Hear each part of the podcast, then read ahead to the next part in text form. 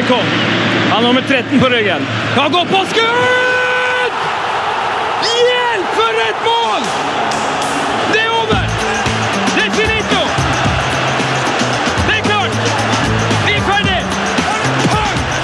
Heia fotball med Tete Lidbom og Sven Biskår Sunde. Heia fotball! Heia fotball! Ja, ja, ja, ja. Fotball. Godt å ha deg her, Tete gutten. Altså, Jeg ble litt stressa nå. Hva er det du Eh, holder på med, egentlig? Nei, jeg bare jeg fikk sånn Plutselig så Du vet, Noen ganger så får man en sånn feeling at man har glemt noe. Ja, For eksempel å trykke på lagreknappen, eller Ja, og så Var det ikke jækla rar lyd på det, da? Ja, for det, det der tror jeg du har bomma, altså. Ja. Jeg burde hatt en litt mer sexy stemme nå. Det får jeg jo ikke endra noe på heller. Jo. Nei, jeg gjør ikke det. Jo. Jeg klarer ikke det nå. Mener du det? Jeg mener det. Jeg får ikke, rett og slett ikke endra lyden på det. Ok, men La oss si at vi tar introen med den her utrolig stygge stemmen, Ja. og så fikser vi det når vi tar imot gjesten. Ja, la oss gjøre det. Har du hatt, har du hatt en bra uke? Du, jeg har hatt en kjempeuke, og jeg har begynt med noe som jeg, Altså, jeg fortalte det her til uh, Ja, beklager stemmen, altså. Jeg hører det nesten ikke. Nei, men altså, jeg, jeg, jeg fortalte det her til mor mi i går, og da ble jeg så flau som jeg skulle liksom ha liksom gjenfortalt eh, første gangen jeg hadde sex. Ja. Nesten så flau ble jeg. Fordi denne uka her, Sven, Ja. så har jeg begynt med yoga. Nei! Har du begynt med yoga? Ja.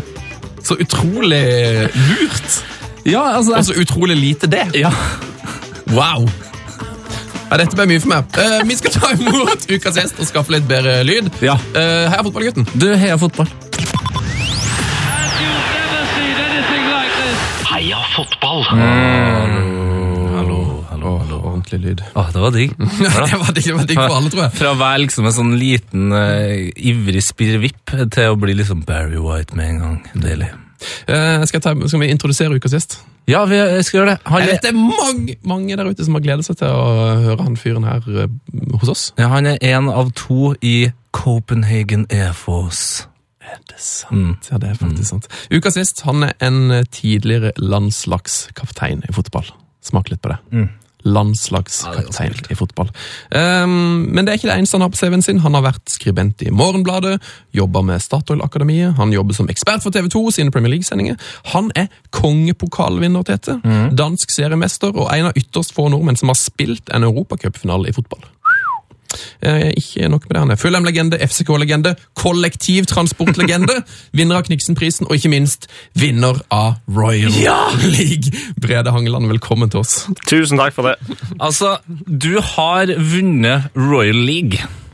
Det, det er det ingen altså Det er nesten ingen som kan eh, skryte av.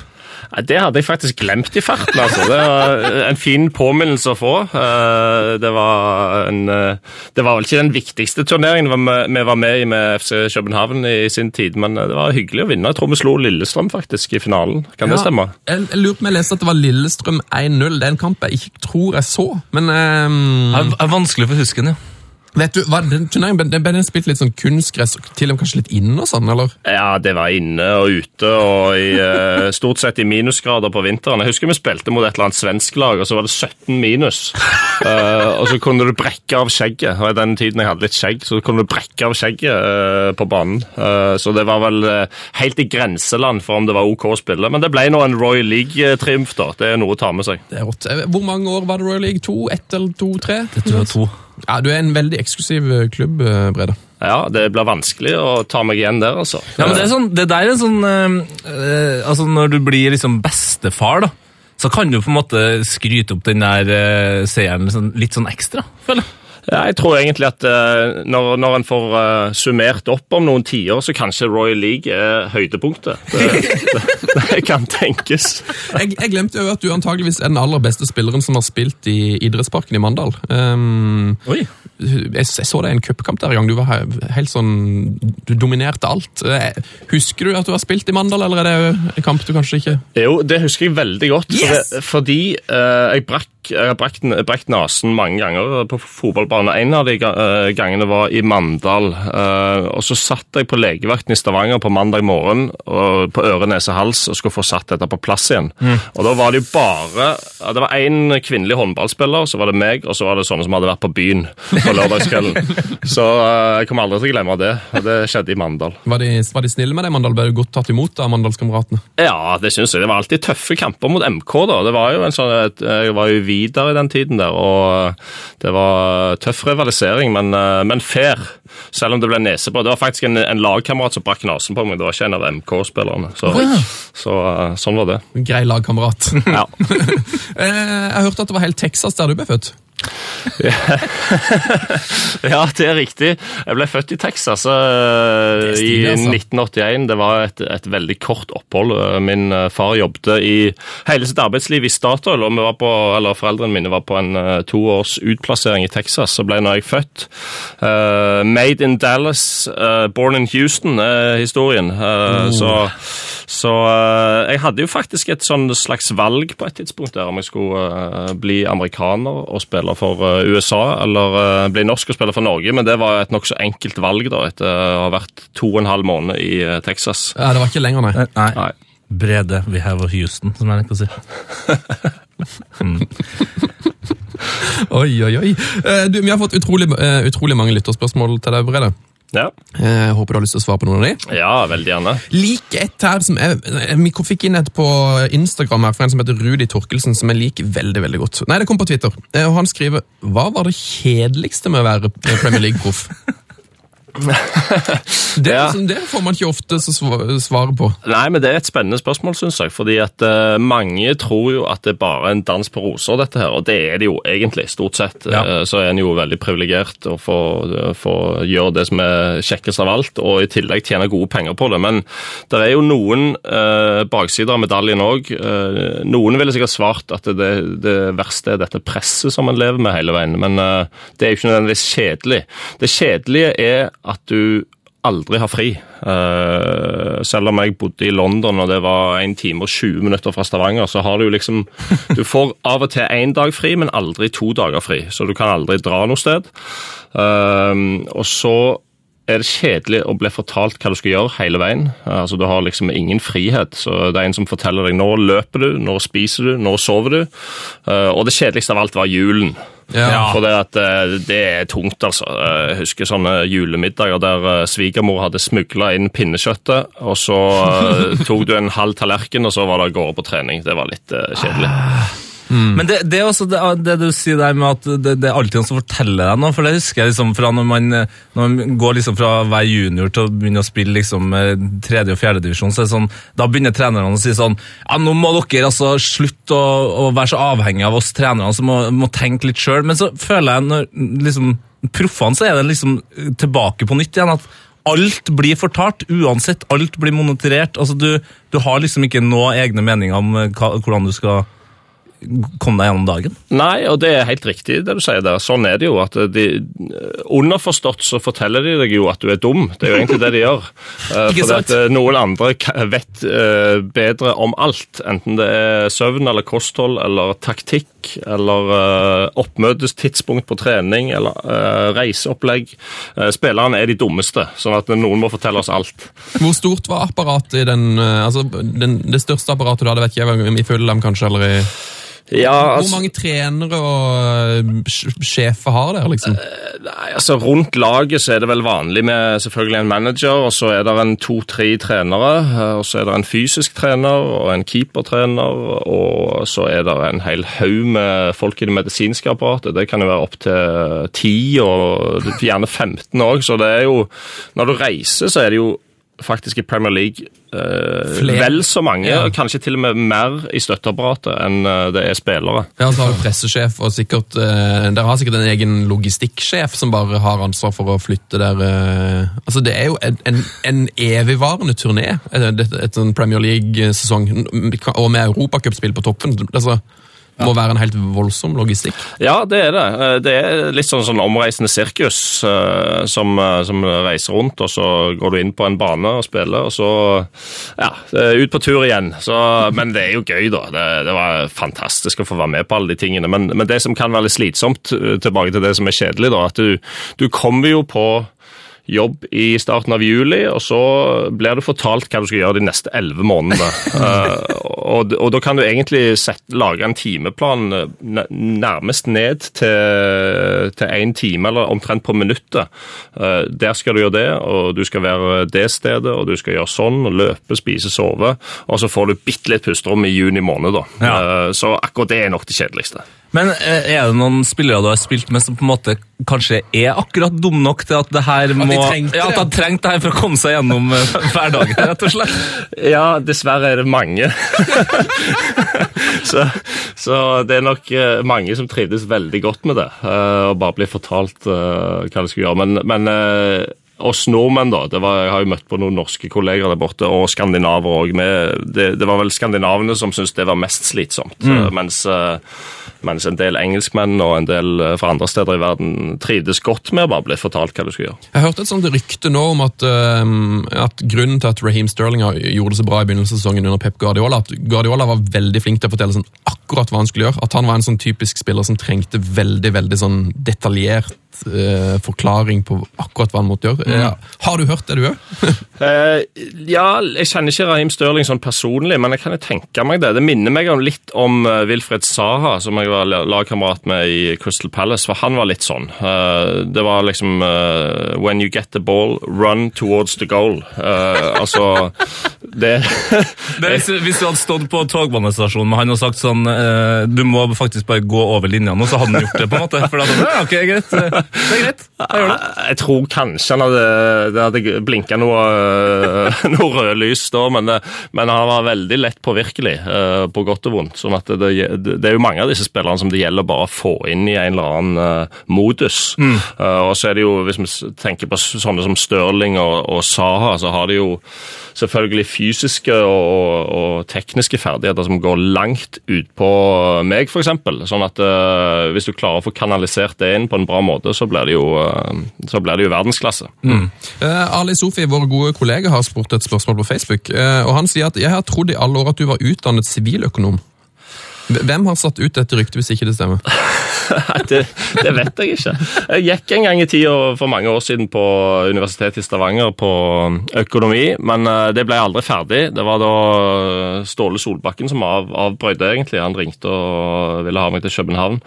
Eh, Så det var egentlig vel så greit. Det var litt kjedelig med alle de med statistikk og økonomi og den type ting, men det var gunstig da å ha litt bagasje med seg. Hva var, hva var på en måte Du visste jo ikke at du skulle bli proff. Hva var, på en måte, hva var planen med den økonomiutdanninga? Hva, hva liksom, hadde du så for deg når du begynte på det? Nei, det var vel egentlig for å gjøre noe, egentlig, eh, tenker jeg. Jeg hadde ikke bestemt meg. Jeg var jo den gangen i Viking og så at det kunne være mulig å i hvert fall få en slags fotballkarriere, men, eh, men jeg tenkte jo at du må ha en plan B her. Fornuftig. Ja, men jeg, jeg er veldig glad for det ikke ble det, altså. Det er vi òg. Veldig. Petter Nes Martinsen spør hvilken spiss i Premier League drev med mest tjuvtriks mot deg? Åh, Der er det tøff konkurranse uh, om plassene. Eh, nei, må, vi må jo tilbake til noen av disse gamle eh, tanksentrene, tror jeg. Eh, Kevin Davis eh, var fryktelig. Eh, Andy Carroll faktisk ufin, ufin spiss. Eh, men den som irriterte meg med, og En av de sterkeste er faktisk vår egen mann, Jon Carew. Han tror Ja, den sterkeste, han, ja. ja, sterkeste mannen eh, på en fotballbane noen gang, tror jeg. Men, men den som irriterte meg mest, var Drogba for Chelsea. Oh. Fordi han var jo liksom en mann på 1,90 pluss og, og 90 kilo og råsterk. Eh, Men noen ganger så falt han bare som en potetsekk. Sant? Eh, Så, så du visste liksom aldri om han var sterk eller om han bare falt. Og så hadde han albuer òg. Jeg husker jeg hadde en ordentlig fight med han en gang på, eh, for fulle mot Chelsea, og da bare trykte han albuen rett i trynet på meg i en duell. Ja, Det var ikke bra i det hele tatt. Eh, Så, Fikk du spilt mot eh, på en måte arvtakeren eh, til, til Drogba Costa? Nei, det, Det er jeg faktisk litt usikker på. Vi diskuterte litt i TV 2-studioet om jeg hadde spilt mot han. Fant det aldri helt ut. Jeg tror jo jeg har spilt mot han, men eh, du vet, det, går helt i ball med alle disse spillerne. Men jeg har definitivt spilt mye mer mot eh, Drogba, da. Jeg husker Ja. han mye bedre. Eh, Mulig jeg kom inn en gang mot Costa litt. Grann. Ja, for jeg ser for meg, Kosta er mer sånn, eh, altså Det er noen albuer og hender der, men det er sånn, nå er det jo veldig mye TV-kamera, så man ser jo det aller meste, men jeg ser for meg han er god på de der små klipingene, eksempel, og bare den lille hviskinga i øret som gjør at du blir litt sånn ekstra irritert. Ja, og de, og de triksene der er det jo så mange av som ikke kameraene får med. Altså Det klassiske på, på corner, der er det et, liksom et, et eget kapittel med tjuvtriks. Du har alt fra skruknottene, eh, stemplingen på tåen eh, rett før duellen går, eh, klyping i brystvortene, Yes. eh, litt eh, no- noen stygge ord i, eh, i øret rett før eh, corneren går. Uh, Du har uh, slaget i solar plexus. Og det, Så, det, det er gode gamle trikset! Ja, ja, ja. Så det, det er mange sånne, altså. Det gjelder å holde hodet kaldt, eller så kan det gå, eh, gå galt. Jeg har fått en, eh, et spørsmål fra Sindre eh, Dagsland, som sier Har dere spurt Brede om å ta med seg notatboken sin med morsomme Hodgson-sitater? Husker et intervju en gang der han nevnte at han skrev ned mange slike mens han var i Viking. Stemmer, Har du hatt en, en Hodgson-bok? Ja, faktisk. Det, dette er helt riktig. For når Hodgson kom til Viking, så, så fant vi jo fort ut at dette var en sitatmaskin. Ja. Uh, sånn ufrivillig morsom. Det var jo ikke sånn at han uh, sa dette for å underholde, men han bare sa det. Han var jo frustrert, selvfølgelig. Det var, dette var en verdensmann som plutselig var i Stavanger av en eller annen grunn. Uh, og jeg husker på Det var en av de første treningene der kvaliteten var elendig. Og så sto han sånn litt sånn oppgitt og snakket til alle gutta. Men han snakket egentlig mest til seg sjøl. Og så sa han I could be in Monaco smoking a cigar. But here I am, pushing myself for pocket money. og selvtilliten bare bredde seg i, i vikinglaget, vet du. Jeg skjønte hvor dårlig vi var. Nei, nei, nei, nei, nei. Ja, men fordi Han har jo forkjørt seg litt øh, ekstra når han liksom øh, feila som øh, landslagssjef. Og, og det, det kommer jo også da, øh, da en del sånne sitater. Det virker som litt sånn litt surrete for å være trener. Ja, han er, han er jo stort sett en mann som har full kontroll, men, men han er en ekstremt dårlig taper. Det er det han er, vet. Ja, han er det, og, og da går det litt galt. Han brakk faktisk en tå, tror jeg, en gang i Fulham-garderoben og kom inn i pausen, og så eh, hadde vi vært litt dårlige da, så kelka han til en av disse store kassene som du bærer utstyr i. De er jo av metall. Og så så jo alle at det var fryktelig vondt, og han måtte gå inn og få behandling av, eh, av legen i pausen. så, så han hadde ikke full kontroll, altså. Han hadde ikke det. Han er, han er litt som han, eh, han sjefen i The Office, føler jeg. Det, det er litt for mye Litt Ja, litt David Brent. Eh, Geir Magne Forsberg spør har han opplevd, opplevd større drama enn da Vidar reddet plassen i siste runde hjemme mot Nord fra Karmøy. Du, Det der spørsmålet så jeg på eh, på forhånd. Jeg klarer ikke helt å huske hvor dramatisk det var. Eh, det må jeg bare beklage, men det er sikkert fordi det har vært så mye drama siden den gang. Eh, men, eh, men jeg har nok eh, det, det, det, kan jeg svare ja på, at jeg har opplevd større drama. For dette dramaet her går det ikke an å slå. Det var siste runde i eh, Premier League Er- i er i 2008. Yes! Ja. det var der vi ville. Ja, Eh, ja. Det, altså, det er vel kjent som The Great Escape 2008. Ja, akkurat. The Great Escape. Og det, Historien er at vi kom jo til Fulham eh, i januar det året, og vi hadde 17 poeng, tror jeg. Det var fryktelig tungt, langt opp. Og så var det fem kamper igjen, og da var vi faktisk eh, matematisk rykka ned borte mot Manchester City eh, til pausen. Der lå under 2-0, og så klarte vi å snu den. Og satte oss opp da etter hvert til en siste kamp mot Portsmouth eh, på Fratton Park, heter vel det. Eh, og vi måtte vinne. Og så skårer Danny Murphy av alle på en heading 14 minutter før slutt. På en heading, ja. Ja, Innlegg fra Jimmy Bullard til Danny Murphy som stiger til værs. Typisk Murphy. Ja, veldig typisk. Og, og det var jo da, da var det 14 minutter igjen vi måtte holde ut, og, det- og dette er jo sånn, altså Presset er så stort at du tror det ikke. Det var sånn at eh, Styreformannen vår den gangen, han het eh, Mohammed Al-Fayed. Ja, ja, ja. ja. Han kom ned i garderoben før denne kampen, så sa han sånn uh, Just so you know, if you lose today, I lose 50 million pounds. Bare, bare, bare Gå ut og kos dere, da.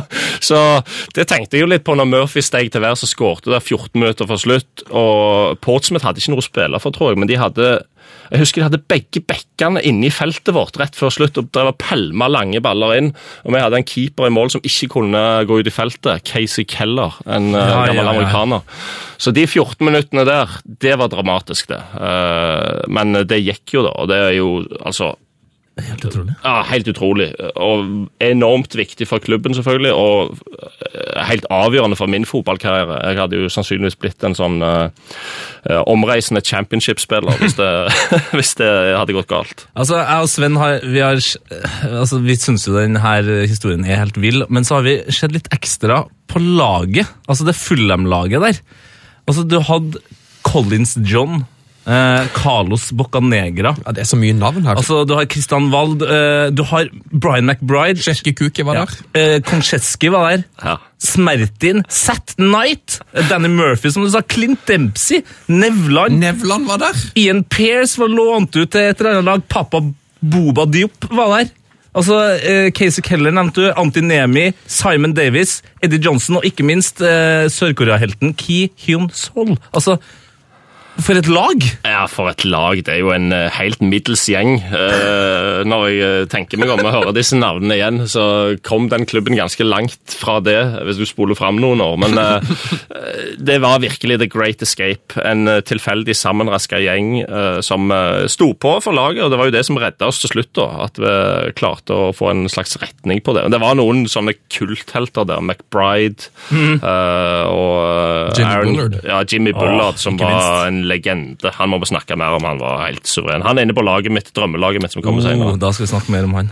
Han, eh, jeg satt og så på en sånn fem minutt eh, YouTube-compilation av The Great Escape her i går. Eh, og Jimmy Bullard han, han tok frisparkene deres på den tida. Og, og jeg tror han satt to stykker. Han skåret to mål i sesongen, og begge var noen vakre frispark. Han var, han var en meget god spiller, men han var også fryktelig vanskelig å forholde seg til. Altså, dette var jo Hodgson som var trener i den perioden, med vanvittig stram struktur øh, og krav til midtbanespillerne skulle gjøre sånn og sånn. Så var det jo Bullard og Danny Murphy som var sentrale midtbanespillere. Så husker jeg en gang, jeg tror vi var borte mot Everton. Eh, Skulle vi ha et spillermøte før kampen, eh, der eh, Hodgson sa nå må du gjøre sånn og sånn, eh, Jimmy. Og så sier han eh, Er det lov å banne, forresten? på lov å si engelske banneord? Ja, vær så Ja. Ja, ja, ok. Så sier Jimmy Bullard sånn foran alle gutta sånn What's this? The fucking Jimmy Bullard show! Og det var han i et nøtteskall. Å, det er så nydelig. Altså, det, det laget her, og du sa at det var Alfa Jed. Han var jo en av de første som liksom kom inn med, med store penger og liksom bygde Ja. opp små lag til å bli store lag. Eh, alt det, alt det greiene de hadde kjøpt, hvordan, på en måte, hva var det som var politikken til, til Fulham når de på en måte bare kjøpte? Det virker, som de det virker liksom som du har spilt FM i Fylland du har liksom endt opp med, den, med Ja, den når du, når du har liksom Sjefki Kuki og uh, Papa Boba Diop uh, sammen, liksom. Og Smertin og, og Seoul. Det er litt sånn, ja, han, det, dette kan kanskje funke med han. Ja, nei, altså det, Alle disse var jo på plass når jeg kom det året der, så det, det var jo en av mine første observasjoner at her var det mye, mye blanda drops. Eh, De var jo gode spillere alle sammen, men det var jo helt tydelig at det var ikke noe sånn eh, Det var ikke noe enhetlig transferpolitikk. Nei. Og de hadde jo hatt mye forskjellige trenere òg som, eh, som hadde sine egne tanker, så det var definitivt behov for å, for å få litt mer struktur på det, og det ble det jo i årene som kom. Men uh, akkurat den gjengen der, ja, der jeg hadde glemt mange av de navnene der, altså. Det var uh, mye ymse. Sånn som han Collins John der, han kom jo inn og tok Premier League litt sånn med storm, og så bare forsvant han helt. Og For noen år siden så var jeg på en, på en Barnet-kamp hvor Edgar, Edgar Davids var trener, og da satt ikke Collins John på benken engang i Barnet. Han var eh, henvist til tribunen. Altså, litt, Hadde du noe med han å gjøre, og vet du, vet du hvorfor det gikk så skeis med den karrieren? Nei, Han husker jeg nesten ikke engang. Det, jeg husker bare at han var, han var en enormt god spiller, som du selvfølgelig må være, men han var så dårlig trent at det vil du ikke tro. Han, han, var, han var så sliten. Han sto og pusta og hang på øh, hoftene og knærne på hver trening. Så det går jo ikke, vet du. Du må liksom ha et minimum av interesse for fysisk trening og sånn. Så han kunne egentlig ja, Han burde vært på drømmelaget mitt til senere, ser jeg. Han er på benken, da. Hva, hva gjør det med et sånt lag når det overlever på den måten der? Eh, måte, hva, hva, det Kanskje det blir litt bedre sammensveisa stemning, da? Eller? Ja, definitivt.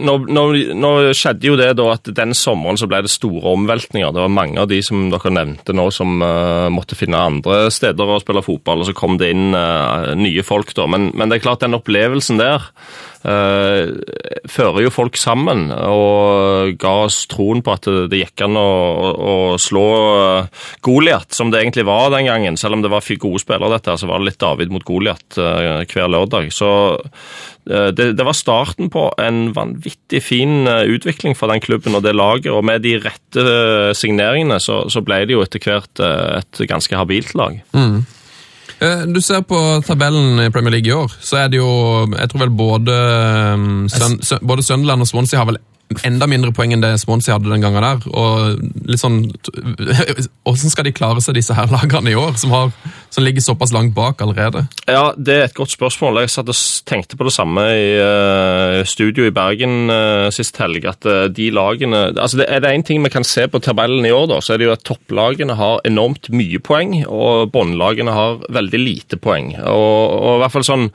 Innad i Premier League så er det en sånn gyllen regel at du må prøve å få ett poeng i snitt per kamp. Uh, for da ender du opp med 38 poeng, og det er normalt sett nok til å holde seg. Og det burde jo være mulig for uavgjort uh, hver kamp. Men disse lagene nå, som etter 21 kamper har 15 poeng, de sliter altså. Mm. Så kan de trøste seg med at det er noen lag nå, de, de eh, fire-fem nederste, som ser fryktelig dårlig ut.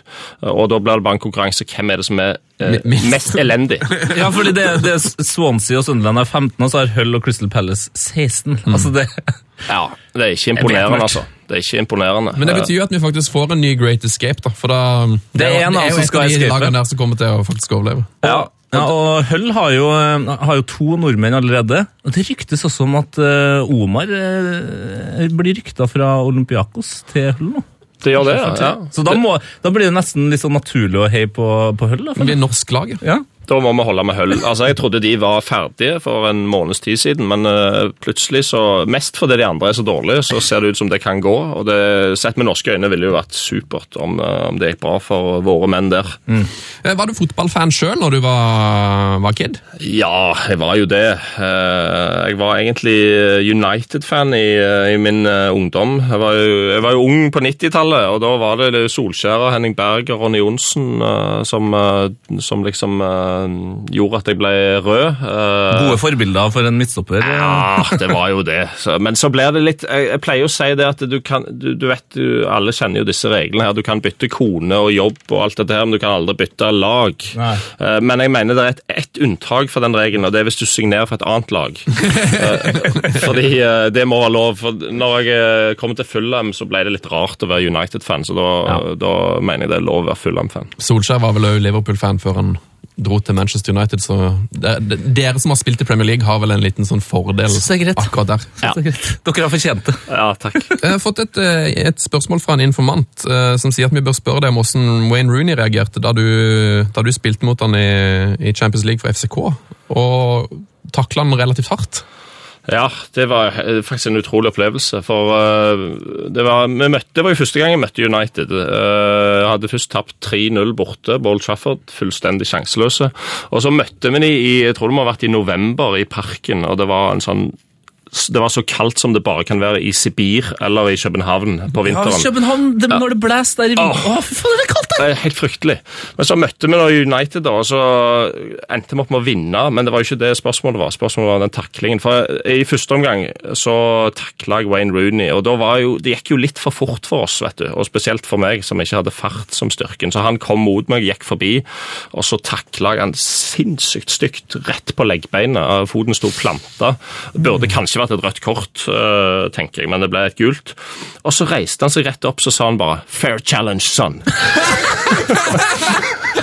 Og det er så melding, det. Fair challenge! Wow! Så da fikk jeg ekstra respekt, respekt for Rooney, som bare tok det var, det var så vondt. De fleste hadde sikkert brekt leggbeina av den taklingen, men han bare reiste seg opp igjen. Altså det her, men vet du, altså Rooney burde, burde fått eh, noen til å hjelpe ham til å finne en video av det her, og, og bare legge på at han eh, stiller seg opp og sier fair challenge, sånn at han får litt mer eh, respekt. Han sliter litt med respekten der nå, føler jeg. Ja, han gjør jo egentlig det, men innad liksom blant gutter da, som spiller mot han, så har han en veldig høy stjerne. Han har det, ja. For det er liksom Ok, alle ser jo at han begynner å bli litt, eh, litt eldre, han òg, men eh, han har en perfekt mentalitet. Det er aldri noe tull. Det er ikke noe filming, det er ikke noe uh, sutring. Det er bare rett fram. Eh, det du ser, er det du får. Jeg er jo United-fan sjøl, og har vært dypt bekymra for Wayne Rooney ja, 18 måneder i strekk nå. Syns han har vært fryktelig svak veldig lenge. Men har du, har du troa på at han kommer til å liksom eh, komme opp igjen på det nivået han har vært, og, og, og være United i noen år til? Jeg tror jo som deg at han er over, uh, over den beste perioden. Og så kan du Hvor gammel er Rooney? Han er en 30 eller noe sånt? Han er bare 30, vet du. Ja, Det er det som er litt rart, vet du. Men jeg har en teori på det. Fordi han starta veldig tidlig. Og jeg merket jo sjøl på kroppen min at når du har vært omtrent et tiår uh, i det gamet der, så skjer det et eller annet. Da uh, hoftene og anklene og knærne begynner å få nok. og, og det tror jeg er litt uavhengig av alder. Så hvis du starter når du er 17-18, som Rooney gjorde, så kom jo det tiåret før du ble 30. Eh, mens jeg starta midt i 20-årene og fikk det på 35. Sånn at det, er nok det, altså. Han har spilt så enormt med kamper og fått mange kakk på leggbeinet. så så det kjenner du. Men det gjør det jo sånn enda mer utrolig eh, at han er eh, svenske gærningen som nå drar og hopper rundt og spretter og er liksom overalt med føttene sine og aldri får strekk, eh, Zlatan. At han klarer å være liksom eh, på topp. Ja, Det er et mysterium, og det er dypt, dypt imponerende. Jeg tror jo at han For det første må han ha en helt spesiell fysikk, eh, og det ser du jo på han at han har. Og så har han trent mye som kampsport og sånne ting opp gjennom barndommen. og hvis, eh, hvis jeg skulle gjort alt dette på ny, så tror jeg jeg hadde gått på turn og, og karate eller ninja eller et eller annet sånt opplegg. Gått på ninja! ninja! Det, det er rått. Nei, bare, jeg, må, jeg må ta meg et Jeg rekker faktisk ikke være med noe mer. Jeg må stikke på ninja. Det, Ja, ja.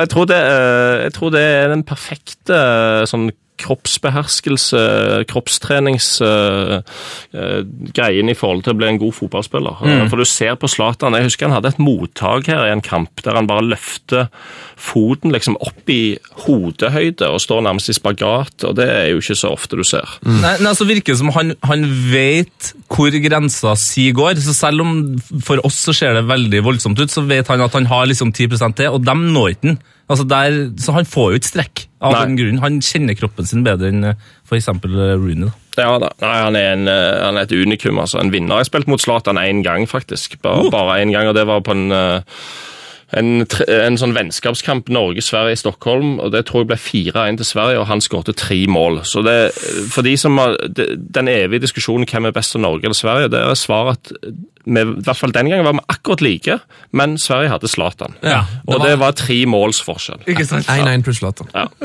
Eh, Du jobba med Ståle Solbakken forrige helg, og du har jobba litt med han før. Eh, Jeg bare lurer på, liksom, jeg vet jeg snakka litt om, om det med landslagsjobben på, på TV 2 forrige helg. Hva, hva, hva hadde han å si om, om den jobben? Hvor, hvorfor vil han ikke ta den jobben, har, har du skjønt det? Ja, altså det han eh, sa, og det som jeg tror han på, er at eh, han kommer seg jo ikke ut av eh, FCK-jobben, og ikke nødvendigvis vil han ut av han heller, og da ble det for krevende å kombinere. Det, det er jo noen som har gjort dette, å kombinere en klubbtrenerjobb med en landslagstrenerjobb, men det blir travelt, altså. Så jeg tror Ståle skjønner at denne jobben som landslagstrener, den får han jo på et eller annet tidspunkt i framtida. Jeg tror nærmest han kan bare gi beskjed når han er ledig, eh, og så får han den. Så jeg, jeg skjønner det. Og så er det jo et eh, ja, så kan noen si at kunne han ikke kommet seg ut av København, men det er, jo, det er jo kult å være i København. Det er jo Skandinavias beste klubb. De kommer seg inn i Champions League, og ikke minst de tjener enormt med penger på, på Champions League. Så hvordan skulle Norges Fotballforbund har, har råd til å betale han ut av den jobben der. Så jeg, jeg skjønner at det måtte bli sånn. Jeg så jo Terje Svendsen var ute i mediene og snakka om at eh, nå har de på en måte begrensa det til bare trenere fra Norden. fordi de har bl.a. vært eh, i Tyskland og sett på trenere for at eh, de syns det som skjer i tysk fotball er så spennende. Men når de eh, gikk ned på liksom, andre og tredje lønnsnivå, så var det likevel for høyt. Og da tenker jeg med en gang sånn, da er de ned i tysk førstedivisjon, og så er det liksom det er for mye penger da, til landslaget å betale. Så, um, hvem, hvem eh, ønsker du som eh, landslagstrener, da? Når du da har begrensa det til Norden? Ja, Hvis du har begrensa det til Norden, så Jeg er jo veldig sånn Kall meg litt sånn realistisk og kjedelig, men jeg, min erfaring etter ti år på landslaget er jo først og fremst at vi er ganske dårlige. Eh, og det er hovedproblemet. Det er Eh, utrolig ærlig å si når du ja. har vært kaptein. Jo, men eh, med det mener jeg at vi sånn en, spiller for spiller, enkeltspillere, så er vi fysisk er vi OK. Uh, I hvert fall bra trent og sånn, men ikke noe spesielt atletiske. Og så har vi ganske dårlig teknikk i forhold til de andre. Eh, selv om du møter et eller annet land som eh, folk tror er ganske lett å slå, Albania, Montenegro, uh, Slovenia, et eller annet sånt, så er de jevnt over litt bedre tekniske enn oss. Sånn at eh, hvis en skal kompensere for dette på en eller annen måte, så må du ha en trener som, gjør, eh, som lager et kollektiv av det, som gjør det litt sånn ekkelt å spille mot laget. Eh, og, og da i Skandinavia eh, mener jeg Lagerbäck er god til det. Eh, en så jo det, Jeg har møtt Island noen ganger, og alle så vel hva Island gjorde i EM. Ja. Der har du et eksempel på et lag som er mye sterkere enn det de elleve skulle, skulle tilsi. Mm. og Noe lignende må vi få til i Norge. Så hadde det vært veldig gøy om eh, om ti år plutselig hadde elleve Martin Ødegaard på, på laget, men foreløpig har vi jo ikke det. Nei. Eh, Vi må sn- vi må eh, snakke litt om eh, kollektivtransport. Apropos kollektiv. ja. Eh, Fin overgang. Ja, det blitt ganske mye skriverier om at du tok toget til kamp i Crystal Palace. Um, men, men har du bil, lurer jeg på? Eller er du en sånn Er det, er det kanskje du ikke har lappen? Eh, Nei, jeg mista lappen. Nei da, nei da, jeg, jeg gjorde ikke det. Nei, altså, det, ja, Dette er jo en festlig historie. Eh, Jeg hadde jo bil, men eh, når jeg dro til Crystal Palace fra Fulham, så fortsatte vi å bo på samme sted i London, eh, som var liksom i sørvest, litt i retning Heathrow. Mens Crystal Palace ligger altså sykt langt vekke derfra, eh, i sørøst. Og i tillegg så er det bare sånne småveier i London. Så hvis jeg skal prøve å kjøre fra Richmond, der jeg bodde, til eh, Beckenham, der treningsfeltet til Crystal Palace lå, så tok det fort to timer. Og det var sånn stopp-start, stopp-start-kjøring, så når du kom fram til trening, så var det jo helt ferdig. Sliten, sliten Ja, sliten før du begynte oppvarminga. Så jeg fant egentlig ut at eh, det var enklere å ta toget. Eh, da kan du ta en kopp kaffe og snakke med venner på telefonen og høre på musikk og sitte og slappe av. Og så kom jeg fram en halvtime tidligere. Så, så dette var jo egentlig bare helt logisk, men, eh, men det ble jo framstilt, i hvert fall litt i engelske medier, som en sånn greie. At det var en sånn alternativ eh, fyr her som En alternativ. så, så det, var- det var, men jeg fikk, jeg, jeg fikk jo med meg en del av lagkameratene mine på å ta tog etter hvert, for de skjønte jo aha, det går tog, liksom. Sant? Det, går, det går fortere. Det er helt nydelig. Jeg har en, eh, en kompis som eh, var over og så Palace, eh, og, og da møtte de det på togbanestasjonen på vei hjem, hvor du kom drassende i shorts og med ei flaske med champagne for å bli blitt kåret til banens beste. Det må, det må ha blitt noen ganske rare opplevelser på vei hjem fra kamp og sånn. Ja, det ble jo det. Altså, vel, først og fremst er jo det hyggelig, da. Jeg synes jo, Hvis det er ett problem i Premier League nå, så er det at spillerne blir så enormt langt borte fra fansen. Altså, eh, Avstanden og muligheten for kontakt mellom spillere og fans er jo nesten ja, Det, det har blitt, det har gått altfor langt. Sånn at det å eh, treffe noen supportere og slå av en prat med folk, det er jo hyggelig, det. Mm. det, det er verken farlig for spilleren eller for supporteren. Tvert imot tror jeg det er hyggelig. Så jeg opplevde en utelukkende bare positive ting med å ta toget. Uh, snakket med masse hyggelige folk. Uh, det var litt sånn på, Hvis det var kveldskamp i, med Crystal Palace nede i Croydon, det området i Sør-London, da var det, hendte det at jeg gikk litt på tå hev, for det er ikke verdens beste område. Men uh, kom levende til togstasjonen hver gang, og hadde en fin, eh, fin tur på toget. Deilig. Det, skal vi snakke, kan vi snakke bare bitte grann om bilparken i Premier League òg? For det, det Ja. stemmer vel det at liksom det er sånn bildiller blant nesten alle, for de har de har vel en, en del biler, de aller fleste spillerne? Ja, de har jo det. Eh, Nå har jo ikke jeg vært i de store store klubbene, men det er jo eh, flotte biler. Det er mye eh, sportsbiler og Bentleyer Ferrarier Maseratier og hva det måtte være. Og det er noen av gutta som har det som er interesse.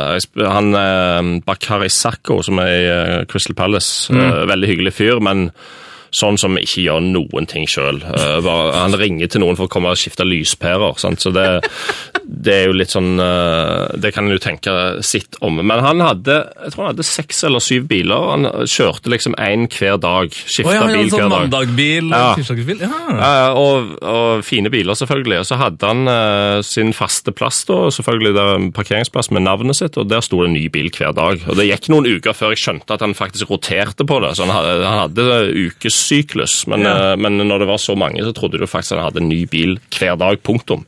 Uh, men eh, det er, en, det er en stor interesse for mange, det er det. Du får det til å høres ut som eh, at du kanskje da ikke er så interessert, og at eh, jeg ser for meg at du kanskje kjører en litt sånn helt OK BMW, for eksempel? Jeg hadde en Audi, det var godt tippa. Ja. Nesten. Ja, Altså, men- Brede Hangeland kjører tysk bil. altså det, Såpass har jeg forstått. Ja, ja, men det var en bra bil. Det. Ja. Men det var, altså, når jeg parkerte på siden av hans Sacco, så var det jo litt flaut, for jeg kunne parkere min A5 i bagasjerommet hans. Men, men, men ok. Så du, har- du har aldri dura rundt i en eh, Ferrari eller Lamborghini eller Aston Martin? altså? nei, jeg har ikke det. altså. Det er, og det har ingenting imot fine biler, så det er kult med biler, men det er liksom ikke, det er ikke veldig interessant for meg. Nei. Bil handler om å komme fra et sted til et annet. Eh, En annen ting som skiller deg litt fra andre Premier League-spillere, eh, vil jeg si er ditt forhold til toalettmappe. Jeg intervjuet deg en gang etter en landskamp, og da hadde du eh, toalettsakene dine i en svart søppelsekk. Var, det, var det liksom det vanlige?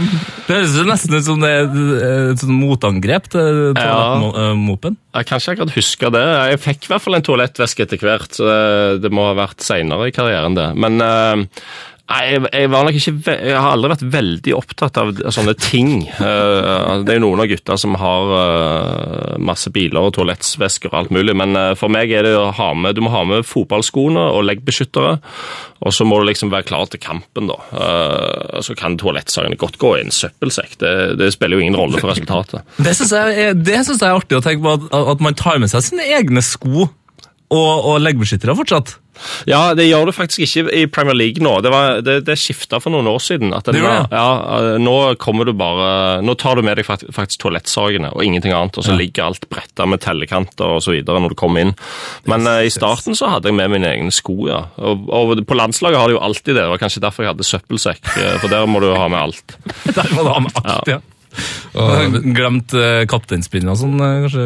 Ja, Det kan løses med litt teip, det, vet du. Ja, det- Du må være kreativ. eh, ta et lytterspørsmål fra Joakim Fjelde. Husker at jeg i ungdommen flere ganger bølleringte Hangeland som Åge Hareide og sa at han var tatt ut på landslaget. Eh, han tok det alltid på en fantastisk fin måte. Er dette noe han husker? Ja, det faktisk Ja, eh, det husker jeg faktisk. Det stemmer. Jeg vet ikke om det var så mange ganger, men jeg jeg husker nå en som prøvde på Åge er utrolig ganske bra. ting å gjøre. Ja, ja men, uh, men du vet, sånne ting Jeg går aldri på sånne ting. Det er sjanseløst. Det, det er jo en, en ganske kul greie i fotballen. Det er jo så mye practical jokes hele veien. Ja, ja, ja. Uh, Og folk som prøver å lure deg til ditt og datt. uh, Men der er jeg ganske hard, altså. Jeg går ikke på de. Men kjør, har du kjørt noen practical jokes uh, sjøl på andre? Eh, Nei, altså jeg var ikke veldig sterk på det. Eh, Nå spilte jo jeg sammen med kongen av practical jokes i Viking, Thomas Pereira. Sånn at eh, jeg fikk mer enn nok glede av å bare se han i aksjon. Fordi han, han har Han kunne skrevet bok om alle de tingene han har gjort. Ja, da, da, da noterer vi han som gjest. Ja, gjør det. Ja. gjør det. Crystal Palace får mye skryt for at de har så fantastisk atmosfære, og Jonas Pluss har spurt oss om hvilken stadion i PL som har den beste atmosfæren. Ja, det er et godt spørsmål. Uh, Sellers Park er helt klart eh, ganske høyt oppe. Eh, merkelig nok så er det ingen av de store som har så veldig god atmosfære. Verken Stamford Bridge eller eh, Anfield heller, eller eh, i hvert fall ikke Old Trafford. Den er ganske dårlig. Eh, men eh, hvis jeg skal velge én, så må det bli St. James' Park eh, i Newcastle. Ja, den er jo stor, men det har jeg altså hørt at det er liksom Den er litt unik i forhold til størrelsen og stemninga. Ja, det er en vanvittig stor stadion. Nå er jo ikke de i Premier League, men det er vel bare et tidsspørsmål. Eh, Men der blir det et sinnssykt leven. Det er jo, det er jo litt fordi, tror jeg, at de, de som bor oppe i Newcastle Det samme gjelder egentlig Sunderland og Middlesbrough òg. De har jo ikke så mye å holde på med, vet du. Så, sant? De går nå der og venter på lørdagen, og så er det de heldige som da slipper inn. Eh, Så, så det, det blir et, et sinnssykt trøkk eh, der oppe. Så det kan du bare glemme å, eh, snakke med lagkameratene. Der- går det på tegnspråk. Deilig. Ja, vi har fått et uh, nydelig spørsmål fra Jonas Berg Johnsen, eh, eh, fotballreporteren, som han liker å kalle. Um, uh, en hellig gjeng med managere som du har hatt. Altså Joel, Hughes, Magat, Warnock, Pardew. Og hva skjedde da Pulis gikk på dagen? Ja, det en uh, lang historie. Altså, det, det har jo faktisk vært en slags rettssak mellom han og Crystal Palace der. Eh, Så jeg kjenner ikke helt detaljene, men, men han, han signerte jo meg, Pulis, og så dro han ti dager senere. Eh, og det var jo spesielt for meg, men det var enda verre for Martin Kelly, som kom fra Liverpool. For han signerte to timer før Pules gikk. Nei! Ja, er Helt vanvittig historie. En god kompis av meg, Martin Kelly, han hadde nettopp hilst på treneren, så dro han. Det, Så- det er tøft, altså. Ja, så Det var jo en krangel mellom han og Palace om eh, penger, tror jeg. At uh, han vil ha mer Det er jo det er ofte det som skjer. Uh, at treneren vil ha mer uh, penger til, i, i transferbudsjettet, og klubben sier nei, og så eh, blir det konflikt. Eh, så det var det som, så vidt jeg forstår, som skjedde mellom uh, Pulis og Crystal Palace. Men eh, Det er helt utrolig. Men, men av de her trenerne eh, Det er jo noen enorme personligheter her. Altså, Veldig mange som har spurt etter Magat-historie. Det er Ja. jo en ostehistorie her. eh, Og noen som, ba, som bare vil som vi skal ha en spesial om Warnock. Så jeg vet ikke helt Vi må bare plukke litt her, men kan kanskje begynne med Magat, da. Ja, det kan vi gjøre. Altså, han er jo Jeg prøver jo alltid å se det gode i folk, sant? Men, eh, men han er et fryktelig menneske. Rett og slett eh, Rett og slett nesten ond, altså. Han, var ja, han var um, han, han drev jo med sånn straffetrening. Så en gang som hadde, Det var jo det året vi rykte ned med Fulham, så det var mye, mye tungt den vårsesongen der. Men han kom det inn der, og hvis vi tapte kamper, så ble det straff. Så en gang kom vi tilbake på treningsfeltet, øh, hadde kjørt buss gjennom hele England, og så kom vi tilbake klokka ett om natta, og så skulle vi trene. Eh, og Det er jo da fire timer etter kampen var slutt. Så da sto han liksom midt på banen med flomlyset på og bare blåste i uh, fløyta. Og så sprang vi rundt og rundt mellom ett og to på natta. Jeg trodde ikke det var sant, vet du.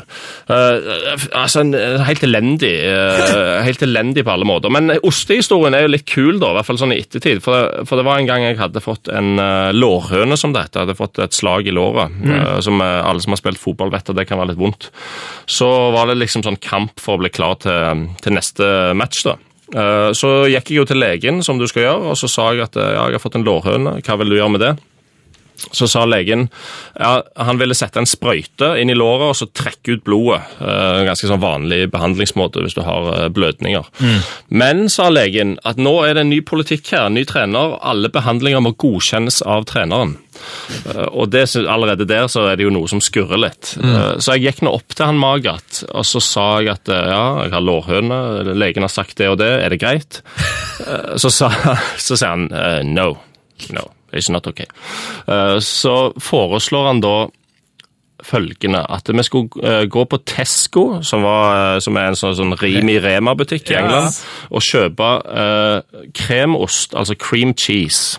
altså Philadelphia Ja, liksom. det, jeg tror ikke selve merket var så viktig, men at det måtte være kremost. Og det skulle da legges uh, på låret i en blanding med alkohol. Og så, når han satt der oppe, og så sa han det var veldig viktig at det ikke var gin eller vodka, men det måtte være sterkere enn det, altså sånn medisinsk alkohol, sånn 96% Så skulle dette da ligge på låret. eh, jeg skulle ta det på rett før jeg la meg. Og det viktigste av alt, sa han, you have to call your mother. For, at for at du kanskje kunne dø, da? eller? Altså. Nei, altså, og akkurat når han sa det, det, det husker jeg så godt, for da satt jeg inne på kontoret hans, og da begynte jeg å kikke opp i hjørnene på kontoret, for jeg tenkte det må være skjult kamera. Ja, ja. Eh, til- så, Tilbake til practical jokes, dette må være kødd, liksom. Eh, så jeg kikket, men fant ingen kamera, så, så spør jeg han sånn, why do I have to call my mother? Eh, og da, da svarer han at hvis jeg ringte min mor med den uh, oste-alkoholmiksen på, så ville det skje en biologisk reaksjon i kroppen, for det, det er noe med uh, morskjærligheten ja, ja. som vil føre til at denne lårhøna går vekk. Eh, og dette var jo helt, fy ja, det var helt utrolig. Men jeg, eh, enden på historien at jeg lå i senga sammen med min kone på kvelden og åpna denne osten. Og da, og, og, da, og da sa hun bare det kan du bare glemme å ta på, for det lukta altså så fryktelig at du trodde ikke det var sant. Så det ble ingen ost. Men, eh, men eh, anbefalingen fra treneren den var klar nok. Men så, så ja, fordi jeg, jeg klarer liksom ikke å se for meg at han er en fyr som kødder ellers. På ingen måte. så han er bare, bare klin gæren, liksom. Ja, men altså, dette er jo sånn, De dreiv jo med dette her i Tyskland på Han fortalte om en kneskade han hadde hatt på 80-tallet eller et eller annet, så er 70-tallet, vet ikke jeg når han spilte. Han var jo en god spiller sjøl. Og da hadde de tatt ost på det kneet, og det hadde blitt bra. Eh, Men jeg tenkte jo at det har jo skjedd en del i den medisinske utviklingen de siste 30 årene. Eh, og det var jo legen i Fulham enig i. sant? Han uh, forsto jo ingenting når han hørte om dette. Stakkars han legen der, da. Ja, Stakkars mann. Snakk om å bli ved din lest, altså. Det, det, var noe, det var ikke noe med det. Så, men Warnock blir bare en smågutt da, i forhold til Magat. Ja, Warnock var han var jo ikke heller min favorittrener, men han var jo egentlig en OK fyr. Eh, Men han har jo en veldig spesiell historie, jeg vet ikke om dere kan den. At han starta jo sitt virke i fotballen som sånn eh, Heter det pedikyr? Sånn fyr som gjør tånegler. Ja, jeg starta han i fotball. Ja, ja, ja. Han var, han, han var det opprinnelig. Altså, han jobba seg oppover fra det, og det er jo det laveste av de lave. De som driver og klipper tåneglene til spillerne. Dette vil jeg påstå. Ja, Så han jobba seg opp derfra til å bli manager, og det, det har jeg respekt for. Han har gjort noe riktig, men dessverre så hang det mye av det tånegl-greiene igjen. altså. Han var ikke en veldig god trener.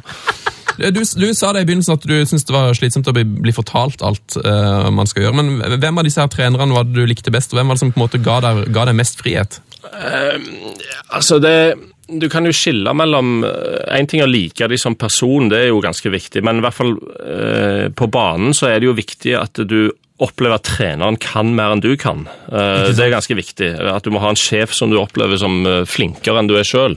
Og det- der var det jo noen som lærte meg masse. Altså alle de norske trenerne jeg har hatt, har vært gode. og Roy Hodgson var veldig god. Pardew òg var god der, men, men sånne som som han Magat og, til dels òg Neil Warnock. Jeg følte ikke det var noe de kunne si som jeg ikke hadde hørt før. Og da blir det litt slitsomt. Men det, dette henger jo sammen med at du får rutine etter hvert, da, og har hatt mange gode trenere, og så kommer du og får en dårlig en, og da, det, det blir masete. Pardew eh, han har jo litt sånn Playboy-stempel eh, på seg. Var han, eh, var han litt sånn eh, Playboy-aktig, eller? Ja, han var, jo, han var jo litt det, da. Altså, mange har vel sett det klippet når han står og danser på Wembley, uh, oh, ja. FA Cup-finalen. Altså, det, det var jo ikke ja, Det var ikke alle spillerne som syntes det var like kult, da. Det, men men han, var en, han var en kul fyr, altså. Han skal ha det. Han var en hyggelig og grei fyr. og og uh, han var vel mer opptatt av, er mer opptatt av det offensive enn det defensive, og det, det ble jo hans øh, bane i Palace, definitivt. Men han var fin med meg, for jeg husker jeg kom til han øh, sånn rundt påske i fjor og sa at nå er, nå er kroppen min ferdig. Så sa han ja, ok, ja, da får du uh, finne erstatteren din. Så sendte han meg rundt på rundt i England for å se på midtstopper, rett og slett. For å finne en som, uh, som kunne ta min plass. Så, så det, der var han, uh, han var fair, der, altså. Det, det, det viser tillit, da. Mhm. Det er hyggelig. Det. spesielt at ikke han, han burde jo ha litt mer koll på hva han ønsker sjøl, men kanskje Forsvaret ikke var hans store greie. Jo, men han sa det at uh, du må jo skrive sånn rapport, vet du. Altså, jeg var liksom scout der et par måneder og reiste og så på forskjellige spillere. Så må du skrive en rapport, og så leste han det, da, og så fant han ut om det var noe å gå videre med eller ikke. Uh, og som han sa, og det har han jo rett i, at uh, jeg kan jo mer om det å være midtstopper i Premier League enn de fleste andre. Ikke sant? Så han hadde et poeng. Det var Cameron du gikk for der, var det ikke det? Nei, eh, det var han uh, Tomkins, Tomkins, uh, uh, ja, ja, eh, i Westham. Ja. Har ikke vært noe veldig vellykka foreløpig, men det var en fin rapport, i hvert fall. Hvilke andre spillere var det du så på? Eh, jeg så på han eh, Louis Dunk i Brighton. Eh, som, er, som er jo veldig ettertrakta i championship. Og så så jeg på Keane i eh, Er det. Keane heter i Burnley? Ja, han er bra, ja. ja, han er god. Han mente jeg var litt for eh, langsom, men han har jo klart seg bra, da. Langsommere enn det? Ja, Nei, det skal vel godt gjøres, men eh, du vet, jeg kompenserte med uh, tjuvstart. Eh, Apropos litt i fall tilsynelatende trege spillere. Dimitar Berbatov er det veldig mange som vil at vi skal snakke litt om. Ehm, han har du spilt med. Ja, det har jeg. Hvor, hvor god var han på trening? Ja, Han var helt utrolig.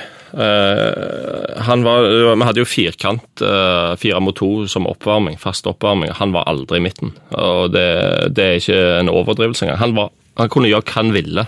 Ja. Så hvis det hadde vært five-side der du ikke trengte å løpe, så hadde han vært verdens beste spiller.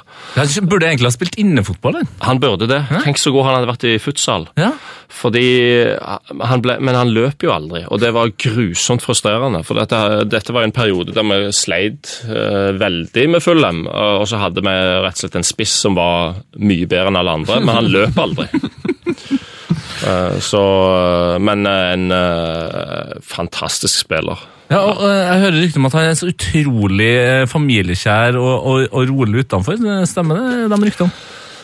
Det vet jeg egentlig ikke, fordi han, han, var, en, han var en rar type. Uh, noen ganger så var det sånn at han ikke sa god morgen engang til gutta. Han var liksom i sin egen verden. Uh, og så kan du lure på var det fordi at Fulham var for lite for han, uh, og sånn. Men han, han var veldig sånn lukka.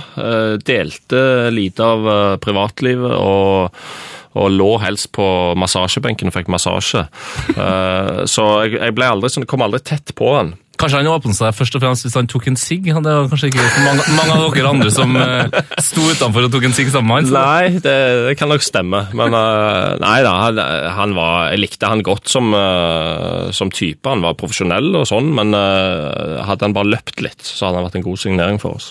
En av våre lytterspørsmålfavoritter, Lars Eide, har sp stilt et spørsmål. Han sier jeg ønsker meg den villeste, morsomste og rareste scenen i spillertunnelen før eller etter kamp. Ja. Skjer det mye i, i spillertunnelen, eller? Um, nei, ikke så ofte, men det hender jo. Altså, Hvis jeg kan dra det spørsmålet ut til å gjelde òg på den hilsingen før kamp. Ja, ja. Er det lov? Ja, ja, For der har jeg en historie. For dette var helt spesielt. Eh, Det var Jeg tror det må ha vært Kan det ha vært Liverpool vi spilte mot? Det, var det, var, det gjelder i hvert fall Craig Bellamy. Uh, okay, selvfølgelig. Og han, Jeg skulle spille med han. Det var første gang jeg skulle spille mot han i en eller annen kamp på Craven Cottage. Og så går det jo der, Da går jo bortelaget først og hilser på dommerne, så går de bort til hjemmelaget og så hilser de på oss. Og så sto jeg på enden der. og så kommer han bort, og han er jo bitte liten. Sant? Han er jo godt, eh, han er jo et hode mindre enn meg. Så så han liksom rett opp på meg, og så tar han meg i hånden og så sier han bare sånn You fucking wanker! og, så, og så tenkte jeg hva er dette for noe? Jeg har aldri møtt den fyren her. Sant? Og han, men han hadde liksom gira seg opp, da, for jeg skulle spille rett mot han. Han var spiss, og jeg var midtstopper. Han hadde liksom gira seg opp til en duell her. Uh, men uh, heldigvis Jeg var jo aldri med på sånne ting som dette, her, men tvert imot. Jeg bare knokla han et par ganger eh, på, ta, i taklingene. Så det funka ikke i det hele tatt. Han prøvde å sette meg ut av balanse, rett og slett, med å med, ja, si, si litt stygge ord. Fy fader, altså. Nei, det stemmer som uh, min far alltid har sagt, at uh, folk som er litt lave, de kompenserer med høy stemme og mye skrål. Det, Eh, Fuglefangeren lurer på hvorfor ikke du avslutter karrieren i Viking. Ja, det hadde vært utrolig gøy å kunne gjøre, men rett og slett så var kroppen min ferdig. Uh, og Men var, det- var det en plan? Ja, jeg hadde, jeg hadde tenkt å gjøre det hvis det var mulig. Det var, det var alltid sånn jeg tenkte, men egentlig så, så klarte jeg på, nesten å lure meg til det siste året i Crystal Palace òg. Det, var- det var sånn på overtid uh, at jeg, eh, jeg måtte bare legge opp. Hvordan kjenner du det nå? Ja, nå er det litt bedre. Nå gjør jeg jo mye mindre, da. Jeg gjør faktisk uh, Altså, Du skal ikke le av yoga, som det var i innledningen her. Jeg gjør- òg litt yoga og sykler litt, og sånn, så det funker greit. Det er jo en enorm forskjell på, på å løpe en maraton i snitt hver 14. dag, eller løpe ingenting. Ja. Så, så nå er det bedre, men, men du, du må liksom ha Jeg har en sånn stolthet i bånn at skal du spille fotball, så må det være mulig å være litt god. Og det tror jeg hadde blitt vanskelig hvis jeg skulle tatt et år nå, altså. Det er ikke sånn at du, men er det sånn at du kjenner det i knærne om morgenen liksom, når du står opp? Ja, noen Ja. ganger er det litt vondt, det er det. Men det er heldigvis bedre enn det var i fjor. I fjor var det sånn at jeg noen ganger faktisk knytta et belte til dørhåndtaket for å dra meg opp om Nei, morgenen. nei, nei, nei, Så det var ikke spesielt bra. Det var et tegn på at nå er det nok. Ja, for det, eller sånn, en, Noen klager jo på at liksom Premier League-spillere eh, sutrer over at det, liksom, det er så tett kampprogram. og ja, altså, En kamp hver tredje dag eller hver fjerde dag. Det må da, det må da gå an å spille 40 kamper på et år. liksom. Men kan du bare klare å forklare oss liksom hvor, hvor eh, fysisk vondt det er i, i jula, for eksempel, når det er tre kamper på ei uke? Ja, altså en ting er jo den De, de har jo bevist det, disse eh, vitenskapsmennene medisinerne, at det tar eh, 72 timer å bli klar etter en Premier League-kamp. Eh, Det vil si at hvis du spiller på lørdag klokka fire, så kan du tidligst spille tirsdag klokka fire. Og i julen så er det jo, det er jo liksom kamp, hviledag, kamp. Mm. Så, så det, den er jo uansett eh, litt spesiell. Men så har du jo det at det, det er jo dueller òg hele veien. Og du får jo, du får jo en smell, og du får, en, du får småskader og lårhøner og alt mulig. Uh, jevnt og trøtt. Sånn at det, det er jo egentlig, hvis du spiller eh, mange kamper, sånn som jeg har gjort i de, de eh, tøffeste sesongene mine, så har jeg vært oppe i 60 kamper i året. Og da har du jo egentlig litt vondt et sted hele veien. Eh, pluss at du er litt sliten, for det, det er jo tross alt sånn at du løper en eh, 11-12 km på kamp. Så, så det er faktisk faktisk er noe av eh, den viktigste utfordringen, er å klare å ha det litt vondt og ubehagelig, og klare å tenke at når eh, kampen starter, så får du energi og adrenalin av, av publikum, av anledningen og av rammen, og da går det greit. Men det er jo mange spillere som er fantastisk gode, men som aldri blir toppspillere fordi de orker ikke eller, eller er ikke i stand til å ha det litt ubehagelig. Ikke sant? Um, vi skal snart over til ukens drømmelag, men um, før det så er et spørsmål fra Anders Forstun, um, som spør hadde du spilt fotball i Kina om muligheten var der.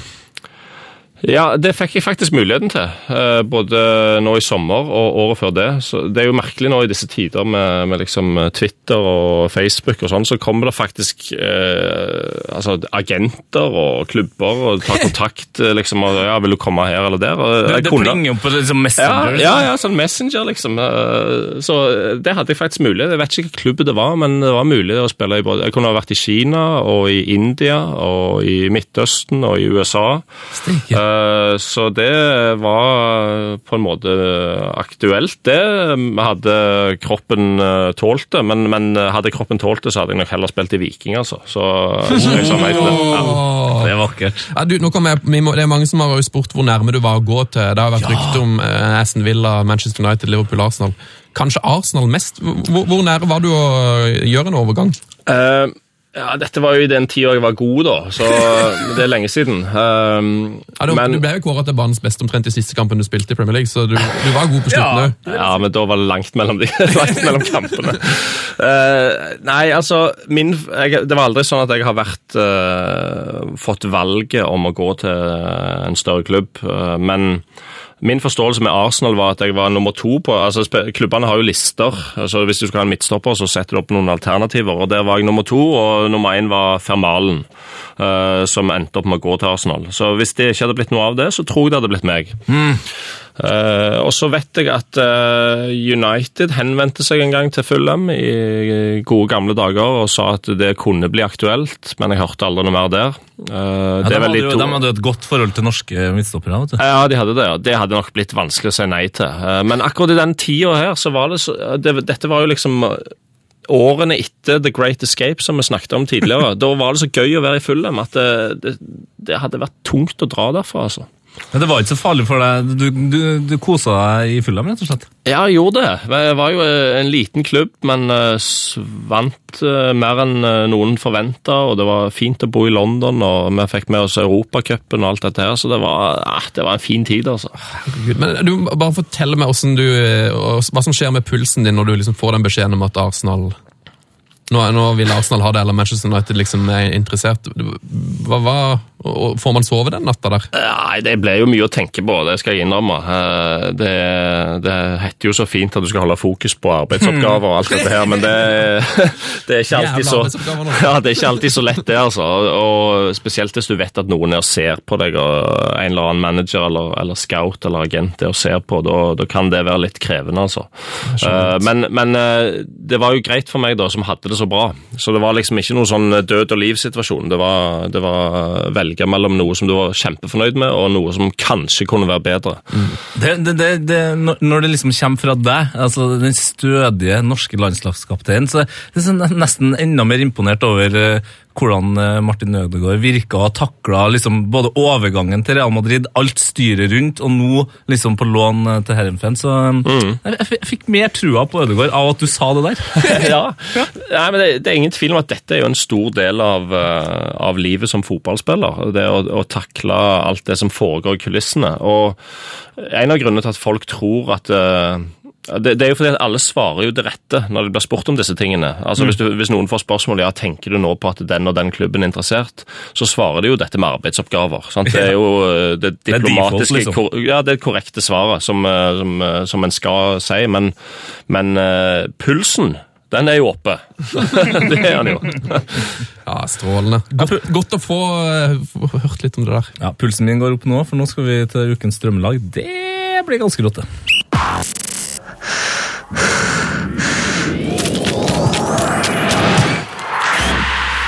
P3s Heia fotball med Tete Lidbom og Sven Biskår Sunde. Oh yes. Ukas drømmelag. Eh, skjønner du hva spalten går ut på, Hangland? Eh, Ja, jeg har tenkt litt på det. Eh, Jeg har en idé. Veldig, veldig bra. Eh, Du har med deg en 11-12 spillere, vil jeg tro. Hva er, hva er konseptet du har gått for når du har plukka ut dette, dette drømmelaget ditt? Nei, Konseptet er veldig klart og tydelig. Altså, Jeg var jo en spiller som, som la veldig vekt på forberedelser og trening og være profesjonell. og brukte mange timer i gymmen. Eh, sånn at for meg var det alltid Jeg noterte meg alltid hvor ivrige eller uivrige folk var på å gå i gymmen og gjøre styrketrening og situps og den type ting. Så dette er et drømmelag, altså laget som la ned minst innsats i gymmen. Latsab 11. Ja, Latsab 11 burde det faktisk hete. Yes. Um, vil du begynne i mål, da? Ja, eh, har satt, jeg har satt opp i en 3-4-3-formasjon, men eh, det er naturligvis én keeper. Der var det tøff konkurranse, det må jeg skynde meg å si, mellom Wayne Hennessy og, og Martin Steklenburg. Ah, Stekenburg har jeg hørt du har snakka ja.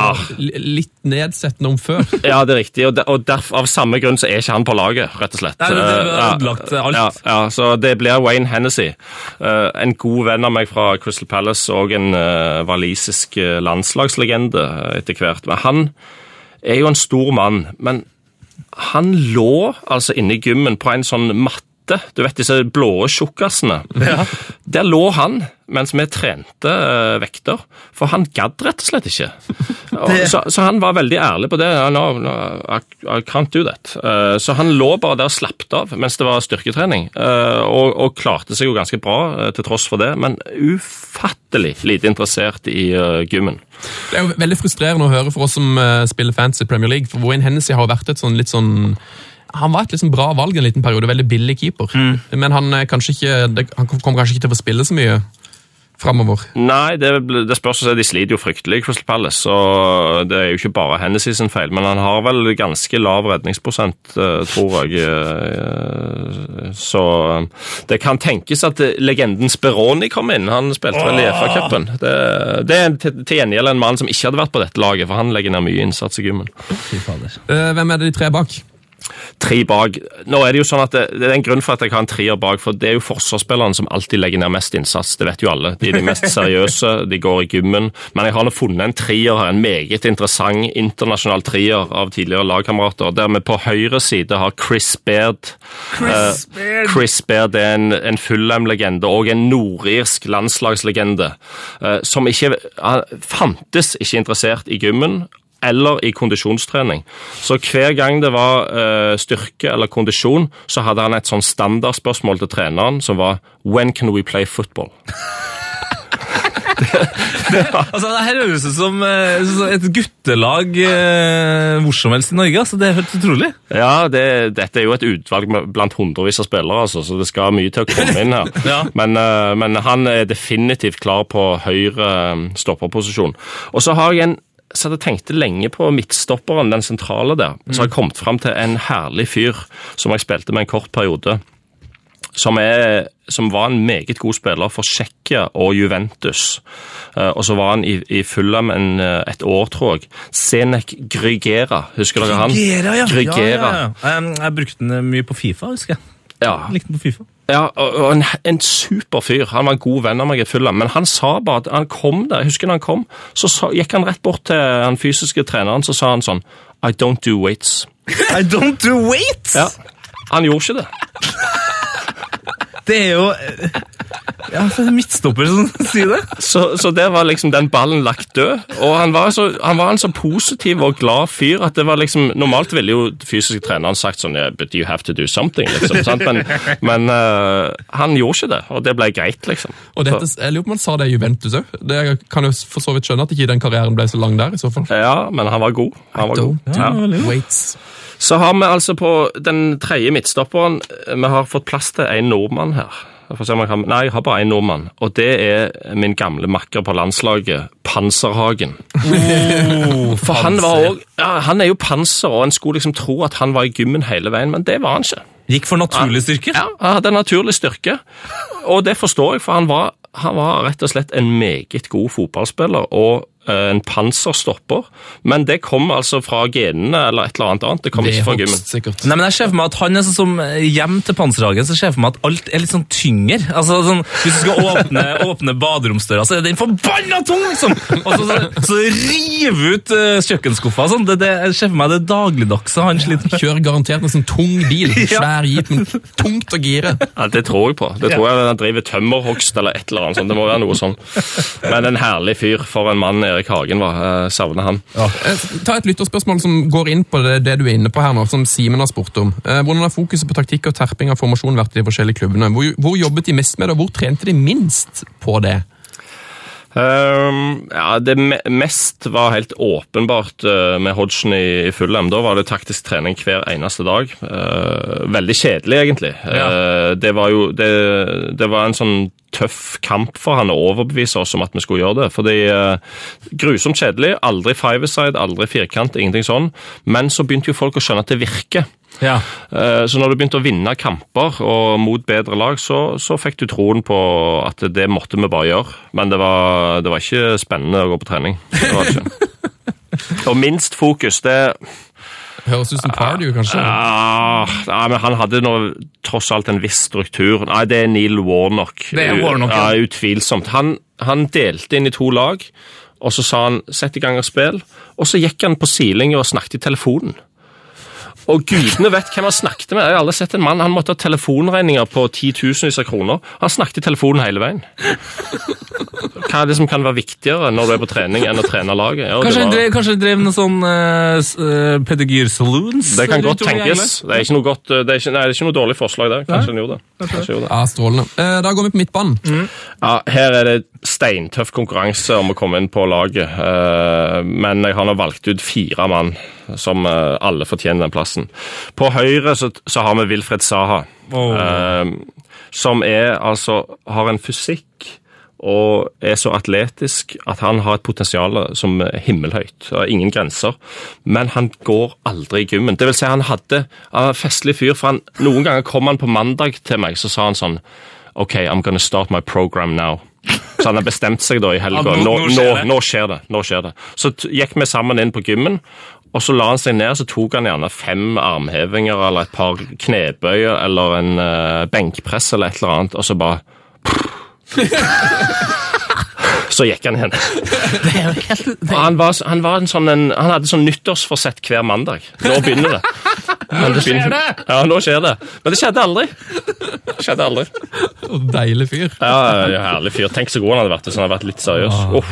Nei, men uh, Han eh, koser seg nå i Afrikamesterskapet. Kanskje han får litt uh, fortent gnisten her hvis Elfenbenskysten går videre. La oss håpe det. La oss håpe det. Han får med seg en, uh, en den, Kanskje den kuleste fyren jeg har spilt med noen gang. Jimmy Bullard. Eh, som ja, Han var jo litt inne på han. Kjempegod spiller, men han er altså så svak og veik at hvis du hadde sett han, han ser ut litt som det er jo stygt å se, men han ser ut som sånn straffange. Ja. Eh, sant? Som, eh, som har får for lite mat eller har for få vitaminer. Han gikk aldri i gymmen. Det var, ikke, det var ikke snakk om å få han inn der uansett. Det var ikke han interessert i. Han skulle bare spille fotball. Eh, så han, han tar en soleklar plass på sentral midtbane da, eh, på dette laget, sammen med en mann som ikke ligner på han i det hele tatt. Som er faktisk kanskje den beste spilleren jeg har spilt med. Eh, Moussa Dembele. Oh, ja, Mossa! Moussa Dembele. Oh, For en mann. For en mann, venneren. Altså, Du vet alltid at han skal gå eh, hva han skal gjøre, men du klarer aldri å stoppe han uansett. Venneren. Ja, men altså, jeg er jo, jo Tottenham-supporter, og og altså, Dembélé han, han spiller aldri en hel kamp, men han mister heller aldri ballen uten å få frispark. Nei, han er så god, han, at eh, jeg blir faktisk litt overraska hvis ikke han ender opp i uh, f.eks. Real Madrid på et eller annet Ja. tidspunkt, for han er så god. Eh, så, så er det jo litt den med fysikken som han sliter litt med. Men, men der kan du snakke om en naturlig fysikk, litt Ja. sånn Karev-fysikk. For det, det, han har ikke løfta et gram i eh, styrkerommet.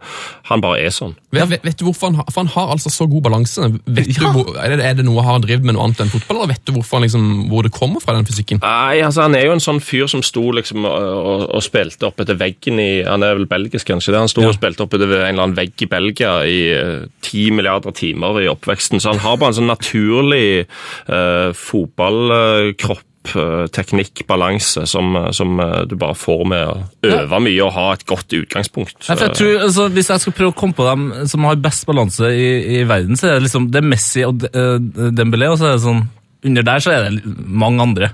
Men de toene er bare eksepsjonelt gode Ja. på akkurat det der. Ja, er det. Ja, fantastisk. Han, han er faktisk den eneste på dette laget som, kanskje sammen med Panserhagen, som, som med rette ikke går i gymmen. Ikke sant? De, de trengte det De har ikke. blitt for, de har blitt for stor, vet du. Ja. De var lur. Ja. Ok, eh, venstre kant. Der har vi en, eh, en festlig fyr som jeg spilte med i Fulham, men som aldri slo til. Brian Ruiz. yes. Ja. Costaricaneren. Costaricaneren som spiller godt alle andre steder enn for, enn for Fulham. Uh, og han var sånn han var jo ikke i nærheten av gymmen, jeg tror ikke han visste hvor gymmen var. Men han var sånn som alltid hadde sånne langarma uh, genser på seg under drakten, og hansker. og Han kunne gjerne spilt med skjerf eller lue. Sånn utrolig utrolig lite glad i å ha det litt ubehagelig. da. Eh, Så hvis det var kaldt, eller hvis det var borte mot Stoke, eller et eller annet sånt, så var ikke han med. Og, og han var aldri i gymmen heller. Det var sjanseløst. det skjer ser bare for meg han med det her nydelige håret sitt springe rundt på Britannia med skjerf. Ja, det, han hadde hatt på boblejakke, hvis det var lov. Så ok, men nå er vi over på en sterk angrepsrekke. Uh, her òg var det tøff konkurranse om plassene, men den ene plassen går til min gode venn Bobby Samora, som uh, nettopp har lagt opp. Han, var jo, han er jo òg en sterk mann, men han hata gymmen så intenst. eh, at han fikk alltid en liten, en liten kjenning i hamstringen. når, det var, ja, når, det var, når det var knebøy og sånn. Så No, I feel it a little bit. Sorry, sorry. I feel it a little bit again. Så han Utelukkende hver eneste gang. Om han kanskje skal være med i den gjengen til Dembele og Panserhagen, for han trengte det egentlig heller ikke. Han var jo sterk. Ja, og han er, jo, han er jo kanskje en av eh, verdens mest eh, verdifulle spillere. Ikke Bobby Samara, som har avgjort Jo, sånn jo, jo, jo, tre opprykkskamper. Det er riktig, det. Han sa det. Det er fort tre milliarder. Ja, eh, Og en strålende fyr. Eh, Han er tilgitt. Han, han forstår at han må på dette laget òg, hvis han noen gang får vite det. Men eh, eh, han er tilgitt, for han var en, en klassespiller og en eh, god fyr. Bortsett fra at han aldri gikk i gymmen. Det var et lytterspørsmål vi- lytterspørsmål vi ikke tok med, som gikk på Bob Messabora om at han hadde visst så fantastisk spenst. Ja, han hadde jo det, men han var ikke så glad i å heade. eh, det er bra. Ja. Men han hadde god spenst. Du sitter på så mye fin info, Brede, Ja, ja, jo, akkurat om disse gjør jo det. og var ikke så glad i å hedde. God spenst, ikke glad i head. Eh, midtspissen den går til Berbatov. Selv. ja, det er jo selvsagt. Det, det, det visste vel alle som har fulgt med her. Eh, han Jeg har aldri sett en mann få så mye massasje som han fikk. Jeg er sikker på han fikk mer timer massasje enn han trente. og det er garantert. Og den som masserte han var nemlig en god venn av meg, en fysioterapeut i Fulham som heter Liam Holmes. Eh, Så alltid når det var styrke, så, så fikk han massasje. Og så er det jo sånn at eh, etter en lang sesong da, så, så er det vanlig at spillerne gir uh, fysioterapeutene et eller annet. En gave, etterpå. liksom? Ja, Enten tar du dem med på middag, det er liksom minimum, eller så gir du dem noe penger, eller noen kjøper en ferie til dem, eller et eller annet sånt. og dette, ja, for dette er jo gutter som har jobbet i timevis gjennom året for at du skal prestere, Um, og de tjener ingenting i forhold til det spillerne gjør da. Så det det er sånn fin tradisjon at en gjør det. Men han karen her da hadde da massert Berbatov i hundrevis av timer denne sesongen, og fikk ingenting. Ja, Ingenting. Han var så skuffa. Han, han visste jo Berbatov var en uh, velstående mann, og han tenkte liksom nå blir det ferie til Las Vegas eller et eller annet. sant? Det må minst bli en, eh, en konvolutt med penger. Men det ble ingenting. Ingenting! Så uh, han kom godt ut av det, Berbatov. Men jeg husker Berbatov tok av seg skjorta Jeg tror det var når han spilte i Monaco, faktisk. Og jeg ble så overraska over at han hadde definerte magemuskler. Men nå skjønner jeg jo at det er jo han fyren her som har massert på Berbatov magemuskler. rett og slett. Ja, altså han, han tok noen ganger litt situps, men han spiste veldig bra, Berbatov. Det vil si han spiste veldig sunt, okay. Og spiste ganske lite. Så jeg tror det var mer det at han eh, forbrant. Det, Sulta seg i form. ja, sulta seg i form, rett og slett. Lå sulta på massasjebenken. Ja. Eh, ok, Samora Berbatov. Se, dette er en bra trio på topp, for Å, ja. den siste er Adebayor. Adebayor! Adebayor. For en mann. Eh, han, han spilte jeg bare med et halvår i Palace, eh, men jeg skal begynne med å fortelle en historie om han. Fordi ja, Dette var helt utrolig. Eh, jeg spilte for Fulham, og han spilte for Tottenham. Så var vi på White Hart Lane. Og så var Fulham i angrep, så står jeg på midtstreken der og markerer Adebayor. Så sier han til meg sånn Ah, I'm hungry. så Og så, så, What, sier jeg. I'm hungry. I can't wait for this game to finish. I want to go to a restaurant. Do you know a good restaurant in London, Hangeland?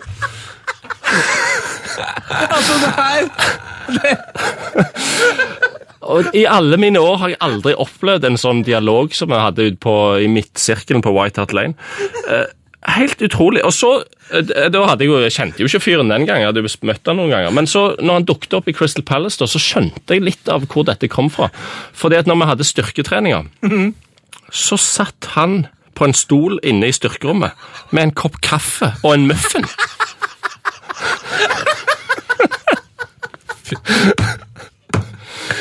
Adebayor, altså. Han, han slutter aldri å levere. Og han fyren her må snart være milliardær. Ja, det var jo den andre tingen. sant? Med, alle gutter tenkte liksom Kom an, altså, nå må vi ta et tak her. Og vi visste jo at han hadde jo lønn fra tre klubber samtidig. Han var, signert, han var jo egentlig i Manchester City, og så hadde de pælma han ned til Tottenham, men betalte halvdelen av lønnen. Så kom han til Crystal Palace, og vi betalte litt av den andelen til Tottenham. Så han hadde lønn fra tre forskjellige plasser, og satt og drakk kaffe inne i gymmen. For. For en fjott!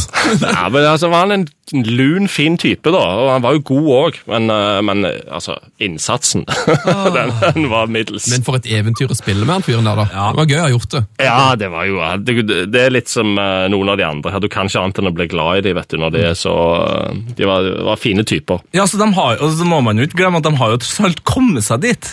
Det er jo på en måte det òg. Du har liksom trent knallhardt, vært skikkelig strukturert, og så møter du en fyr som det der, som har kommet akkurat like langt. Ja, og det forteller jo noe om et, et naturlig talent som er helt enestående. Og han har jo tross alt eh, når, når, altså En ting er at disse gutta, noen av disse var litt useriøse eh, fra mandag til fredag, men når det var kamp, så har de jo levert. uh, ellers så kommer de jo aldri opp i denne posisjonen. Men uh, ja, det var en, uh, en gjeng med folk som eh, levde ganske godt mellom slagene, kan jeg vel si. Ja, Altså, nydelig drømmelag. Men før, før vi runder av, eh, anbefalte hun en restaurant, eller? Um, gjorde jeg det, da? Jeg, jeg tror faktisk jeg snakket med han etter kampen og anbefalte noen restauranter. Men det, han hadde hørt om alle fra før av, selvfølgelig, og vært der mange ganger. Så, så han var jo en, en verdensmann som gikk langt ut på en, en skarve siddis. Jeg vet at du er på, vi er på overtid mm, her, Brede, men vi skal, vi skal til Brede-fotballspalten. Du kan være med der og snakke litt om videre hvis du har lyst, eller er du, mm, er du på, på avgang, så sier vi takk for i dag. Nei, vi kan godt ta, ta noen minutter. Det går fint, Da tar vi litt videre prat. Så vi ser om vi finner Chef Lars her. Steinkjer, Steinkjer, Steinkjer. Det er ingen som vi, som fotballag som vi. Gå nå på, så skal vi slå. Ingen kan slå. Endelig tilbake! Hei, gutter! Nettsjef Lars, Yes! åssen går det med deg? Og det går bra, vet du. Så bra, Vært så i eh, Tenerife med familien. Ja, Tenerife. Jeg vurderte faktisk å fære på kamp. Ja. Eh, Tenerife spiller jo i sekunder. Eh, Blir ikke av. Rå story. Vi- Har du hørt om maken til story, Brede Angeland? Nei, jeg kunne anbefale Jeg tror jeg har sett Tenerife faktisk Jeg, jeg, De er gode, de. ja. Jeg var på Spanias høyeste fjell. da. Nei, var det? Ja. Eh, Hvilket fjell? er det? Teide heter det. Nei, Monteide. det. Teide. Ja, ok. 3, 7, 18.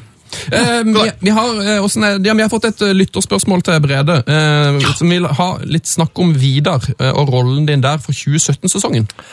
Ja det, Altså, Vidar er jo min klubb. Uh, er du oppvokst i Vidar som meg, så, så er jo den lo lojaliteten og kjærligheten den varer jo livet ut. Så, så jeg er jo Vidar-gutt innerst inne. Og uh, nå er det en av mine beste kompiser, Morten Jensen, som er trener. Uh, og da ringte Morten meg og spurte om jeg kunne være med og bidra i den grad jeg har tid til det. Så jeg er med på trening sånn en gang iblant. En gang i uka er vel gjennomsnittlig. Eh, Noe mer enn det har jeg ikke tid til, men, eh, men jeg skal prøve å bidra med litt, litt sånn eh, David mot Goliat i den divisjonen der, der Vidar i i andredivisjon nok har det desidert laveste budsjettet, vil jeg tro. Utrolig rått våpen, Vidar her. Jeg liker det. Det ser ut som en sånn slags drage. Ja, det, det, jeg tror det var mye debatt i Vidarhuset eh, om, omkring det der. Så det er jo den, den type ting som opptar breddefotballklubbene. En slags uh, Vidars uh, Juventus-gate. Uh, ja. Ja. Men er, er det oppkalt etter en fyr som heter Vidar, eller? Det vet jeg faktisk ikke. Det er jo et spesielt uh, klubbnavn. Ja. Ja. Uh, det burde jeg jo selvfølgelig uh, ha, ha styr på, men eh, jeg har ikke peiling. Men det er i hvert fall en herlig klubb som har fostra dette er jo, Det kalles jo Miljøklubben Vidar på folkemunne, men det er òg en eh, leverandør av talenter eh, til høyere divisjoner som, eh, som har eh, drevet godt i mange år. Så eh, Hvem er de råeste Vidar-spillerne? Ja, jeg var der. Jeg skal ikke si om jeg var den råeste, men ellers er det jo et halvt vikinglag. Eh, Frode Olsen, Frode Hansen, Tom Sanne, eh, Trond Bjørnsen, Leif Gunnar Smerud. Det er, ja, det er mange gode som har vært i Vidar. Jeg har sikkert glemt noen òg. Hvem er det som blir, eh, Hvordan blir nivået, da? tror du, i andre divisjon? Er det nest Sotra eller Bryne eller Vard som tar det? eller? Det er sterk, sterk gruppe. Ja, det er sterk gruppe. Altså, Det skal jeg innrømme at jeg har ikke forutsetninger for å si noe særlig om. Eh, Jeg har sett videre på treningene, de ser gode ut. De har en, en herlig drive i laget, og det er jo det en må liksom eh, konkurrere med, mot, litt mot overmakten. Men eh, det er jo klubber som har atskillig bedre spillere på papiret og større budsjetter osv. Men det er jo det som er gøy med fotball, er å slå de store. Nydelig. Eh, Brede Hangeland, da skal vi takke for praten, og så bare bare jeg god helg og rett og slett lykke til med videre sesongen. Takk for en fin eh, prat. Det har vært hyggelig å være med. Det var jækla gøy! I like måte. Altså, eh, altså avslutte med en sånn Adebayor-historie. Det, er det er aldri feil. Nei, Adebayor-historie går aldri av moten. Strålende! Du, eh, siste ting, Jeg satt jo og hørte på dere der, og har jo, dere snakka om late spillere. Blant annet Panserhagen. Nå har jeg googla hvilken bil han kjørte. Latsab. Ah, kjørte Latsab, ja. Det er så bra. Ok, Takk for meg. ha det, Brede. Ha det godt. Ha det bra. Yes! Oh, yes! Heia. Ja, ja, ja, ja, ja. Eh, Vi fortsetter med litt eh, bredde. Det er så deilig å ha deg tilbake. Ja, takk, det er deilig å være tilbake. Endelig. Jeg liker, jeg liker at du, du, du tok deg tida til å liksom ta en latsabb-vits, men Ja. bredefotball den torde ikke du å kjøre av. Det var, det var min skyld. Vi var på overtid med bredde, så måtte nesten slippe han av gårde. Så, men hva, hva skjedde i bredden? Jeg vet jo at det hagler jo inn med tips, eh, breddetips til heiafotballkrøllalfa.nrk.no. Ja, Tips oss, har du en moro eller lun historie fra ditt lokale eller ulokale lag? Få, det, få det til oss, så kan vi snakke om det. Eh, Hvordan får man det til oss? Eh, E-post. Heia fotball, krøllalfa, nrk.no. Vi kan òg tipse oss på Twitter. Der det liker vi veldig godt å få tips. Der Ja. vi P3 Fotball. Instagram går an å tipse oss der òg. Ja, men der det, sånn, det, det er jo sånn DM-funksjon der òg. Ja. Er så, hvis du har en breddefotballsak som du vil at vi skal ta opp to-tre måneder etter at du har sendt den, så kanskje du kan sende på Instagram. ja, for du ser den så sent. Ja, det, følger ikke med. du. Topp det. Eh, Morten, Morten Lund har jo tipsa oss på P3 Heia Fotball på Twitter, da, for. Heia fotball, eh, Morten Lund. Hei, heia fotball. Eh, om Råde IL, og det er jo da Ah, ja. Vi har jo mange ganger snakka om det her er hardtsatsende, hardtsatsende laget fra Østfold, nå i fjerdedivisjon. Og de har tidligere henta inn en god del spillere med tippeligaerfaring. Mm. Uh, men ikke minst, det her er laget som booka inn Samantha Fox til å ta avspark i siste seriekamp i 2015. Hashtag never forget. Det er det eneste du trenger å vite om Rådeil. Rådeil. Rådeilig. Ah, Rå deilig. Det Og det, var, det var det det Morten Lund ville si, eller? Ja, det var det jeg vil si. Altså, Jeg bare linket til en NRK-greier her. Med, eh, det er da to spillere, Per Morten Kristiansen og midtbanespiller Tor Erik Moen, som er klar, sammen med etablerte rådenavn som Vidar Martinsen, Simen Brenne Blir det reneste oldboys-tilstander her i Simen. Brenne og Per Morten Kristiansen, det er skyhøyt nivå, da. Så vi kan jo følge med Råde litt om de klatrer mer, men eh, på sikt må de vel kanskje utvikle unge spillere òg, ikke bare han oldboys-variant. I hvert fall når de begynner å komme opp i et par divisjoner til. Ja, men så Vidar Martinsen han er bare 34 år. Det er ikke så mye. Tåler noen Zlatan er 35. Det, ja, for det, hvis alder er målestokk, så er Zlatan Uten 35. sammenligning for øvrig. Beklager, Vidar. Eh, neste sak. Vidar Nomerstad, vår venn. Hei, Vidar. Det er mye Vidar her, altså. Altså, nom, nom, nom. Hei, sender med en sak som jeg tror vil gjøre dere i Heia Fotball eh, glade. Mm. Og det dreier seg da i utgangspunktet om en trist sak. Da, nå må du holde igjen litt, eh, Tette, Emil Silnes Ja, det er han som brakk, eh, Ja. det han som brakk beinet. pådro seg en eh, skrekkskade og brakk begge leggbeina da han spilte for HamKam mot Hødd i første seriekamp for et par sesonger siden. Gru- Et av de styggeste beinbruddene i Ja, ja, ja, ja, ja, ja. Hvordan, men hvordan brekte du begge Duell med keeper, uheldig, Oh, ja, altså, øh, han går inn for å rekke ballen, og så ah, Fy faen. og ble liggende. Ja, det er vel begge leggbeina i det ene beinet. Han brakk ikke begge, begge beina. Å nei, ok, og da så. Ja. Jeg liker jo at uh, Lars også ble påpeker at han ble liggende etterpå. Det er jo Ble leggende. Ja, han Det ble. bruker jeg å si. Eh, etter en sykehustabbe kunne vi lese i HA uh, Ikke Hells Angels Tidene, nei. Hamar og Ja, ja, ja, det er. Eh, Som det står for, da. Uh, eh, eh, og en mulig pasientskadeerstatning og fotballinvaliditet for uheldige Emil. Eh, men nå snur saken. For etter operasjoner og opptrening har eh, da Emil kommet seg, fighta seg tilbake og spilt litt for hos Oslo-klubben Oppsal, og egentlig mot alle odds, da. Og nå skriver HA han var arbeider med det. Eh, At det har gått så bra at Emil Silnes er klar for førstedivisjonsklubben Strømmen! Fy fader, for en gladhistorie. Men, men øh, så han slapp å, å, øh, å kreve erstatning og sånn? Eller har han gjort det? Jeg lurer på om det er noe greier med noe De har i hvert fall påtatt seg all skyld, de, eh, for de har Ja, tok av muskler og greier. sånn. Ja, fordi jeg vurderer nemlig å, å sende inn en sånn sjøl. Eh, Til han legen som, eh, som sydde det her hundebittet jeg fikk. Åh. I sommer, for det var der alt starta, nemlig. Så jeg lurer på om jeg kanskje skal gjøre det òg. Så, sånn at jeg også kanskje da får både penger og et comeback. Det håper jeg. Ja. Jeg bare lurer på hvordan jeg gjør det, så hvis du hører på eh, Hva er det her? Silnes. Silnes, ja. Ikke Silsen. gi, gi tips til Tete. Gi tips til meg. Gi tips til meg hvordan gjør det. Det var, var det alt vi hadde for Brenn? Ja. Eller er flere? Får jeg fremsnakke en annen ting? Selvfølgelig. Ja, det er ikke helt bredde, da, men i forhold til toppnivå så er det bredde. Fordi eh, Jonas Berg Johnsen, vår venn, har begynt med noe strålende Har han det? på Eurosport. Championship-magasinet har oppstått igjen. Er det sant? Ja, og de har gjester, fans, øh, ser gjennom alle skåringene, snakker Det er nydelig Du, det her er et veldig bra tips, og jeg, for jeg så på Twitter at han uh, spurte om uh, noen visste av championship-nerds, altså skikkelige fans. Så hvis du er det og hører på, så, så bare kom deg på, på Bare få tak i Jonas på Twitter.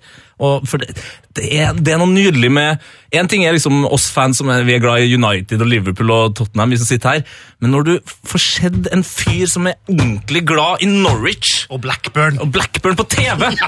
Vet du, Da er jeg fornøyd. Da er min lørdag komplett. Det er jo en, eh, det finnes jo en hel haug av gode fotballpodkaster i Norge, og det er jo en podkast som heter Nest Best, som følger. Championship. Med Andreas Milde. Ja, med Andreas Milde. Ja, ja. Eh, apropos, det her føler jeg at vi bare kjapt eh, kan snakke om det her i breddefotballspalten, selv om det er det er jo på en måte det store, det virkelig store som skjer i, eh, i kontinentet der eh, det hele starta, altså mennesket. Eh, Afkon er i gang. Det er slags breddefil over det hele, jeg føler jeg. Har dere sett- noe Afrikamesterskapet? Jeg har bare sett for, Det går liksom ikke noe sted. Det går ikke noe plass, gjør det det? Nei. Så jeg har ikke fått sett noen hele kampen, men jeg har sett mye klipp. Du Det florerer jo klipp på Facebook og sånn. Ja. Eh, Blant annet verdens dårligste corner ble, jo tatt, Verdens dårligste corner! ble tatt i Faen, den corneren, altså, det er provoserende. Jeg tror faktisk du kan skrive 'The world's worst corner kick' så, i Google, så, så Så vil det dukke opp. Så dårlig er det. Nei, som jeg, jeg, jeg, jeg føler, Gi oss gjerne tips om hvor dere får sett Afrikamesterskapet, for det er litt tynt Ja, jeg, vet, med jeg vet jo hvor man ser okay, ja, Tete har noen connections. Eh, Ikke dra inn på den ulovlige sida Vipstand, i hvert fall. Ikke gjør det. Ikke går det her. Mitt Ghana vant forresten 1-0. Shit. Aju, Aju Durain, vet du. Det rakk vi ikke å snakke om. Takk for bredden, Netchef Lars. Tusen takk. Nå, nå er det takk uh, til det, og velkommen Takk til Takk for det! Jeg er Glory Hall. Har nummer 13. Nei, Sven! Yes! Heia fotballs glory hall. Å, ja da, Velkommen til Heia Fotballs Glory Hall. Denne fantastiske hyllestklubben som eh, befinner seg langt forbi vår melkevei, eh, de neste sin melkevei, og ikke minst eh, den tredje melkeveien. Eh, Der er det en planet grønnere enn eh, en god Diadora-sko fra 90-tallet. Mhm. Der har vi de deiligste spillere. Spillere som Paolo Maldini, Lloyd Lloyd Lislevan. Og ikke minst Claes Ingesson. Klaas Ingesson. Er Thomas Brolin der? Mm, ja. Er han det? Ja! Uh, Netchef Flas, du må gjerne være med på å sitte gjennom Glory Hallen hvis du Ja, har lyst til å lytte litt. Jeg eh, sitter og lytter. For, Jeg tar slapp, snapp, slapp. Uh, ukas Glory Hall har vi nemlig fått uh, fra en lytter denne gangen. Og Ja. ikke nok med at det, vi har fått uh, en lytterhall, vi har fått en ferdig snekra lytterhull i oi, oi, oi, oi. Og Eh, Er det Battistuta der i hullet? det er en, det er en, er er. Batistuta her. Og vi har fått den her fra uh, Håvard Rødal, som uh, Altså, her, er bare beklag, han, han har sendt den her for veldig lenge siden. Altså, Ja, Han sendte oss en mail 5. november. Dette uh, beklager vi sterkt, men den har vi rett og slett ikke sett før i dag. Nei, og det jeg digger at Håvard er, han er en voksen fyr. Um, uh, han har sendt den fra, fra broren sin uh, hotmail-adresse. Ja, det er litt snedig. Det synes jeg er veldig Det er en av flere ting uh, som vi må påpeke. Men jeg, jeg lurer på om vi, om vi skal, For jeg har hørt denne Glorion ti ganger. Faktisk. Ti ganger. På forskjellige ting. For det er et eller annet som skjer. Men eh, det kan vi ta etterpå. Det er en helt nydelig Glorion. Jeg føler at alle, inkludert Håvard sjøl, kan bare lene seg tilbake nå. Og så skal vi høre på den her ja, fantastiske Glorion.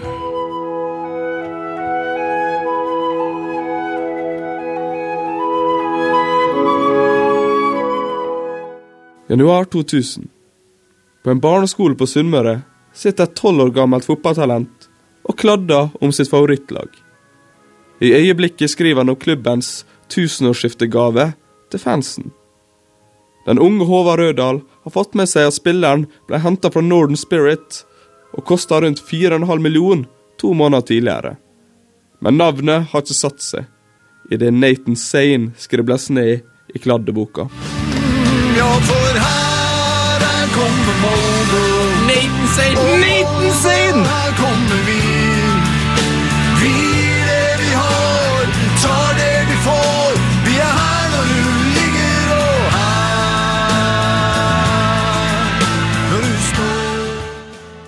Den unge australske spissen går under navnet Clayton og er aspirerende landslagsspiss for Socceroos. Administrerende direktør i Molde presenterer han som lik Jon Carew og Andreas Lund, spilleren han erstatta. Sein skulle skyte Molde til titler og til et nytt møte med Champions League-hymnen de neste åra.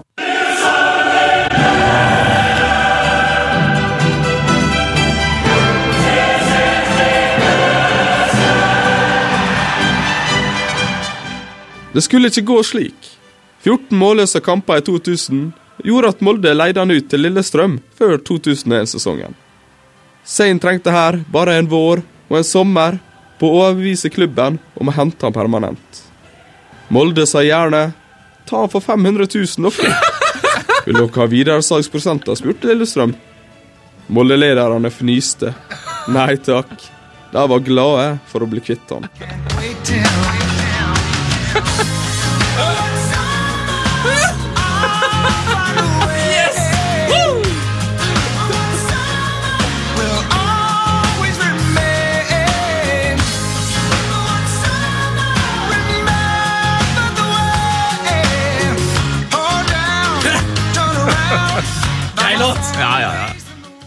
Denne avgjørelsen førte til at flere ledere i Molde måtte ta sin hatt og gå.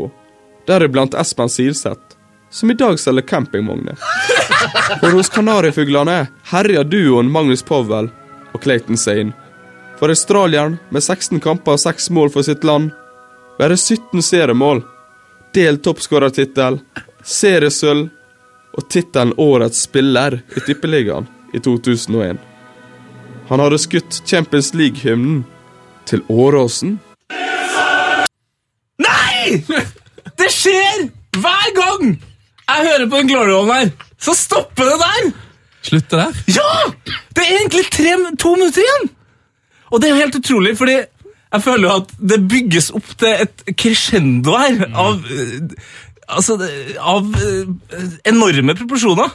Og så får ikke vi høre resten. Det er ikke Jeg synes Glory Holland slutter her med en feil. Ja!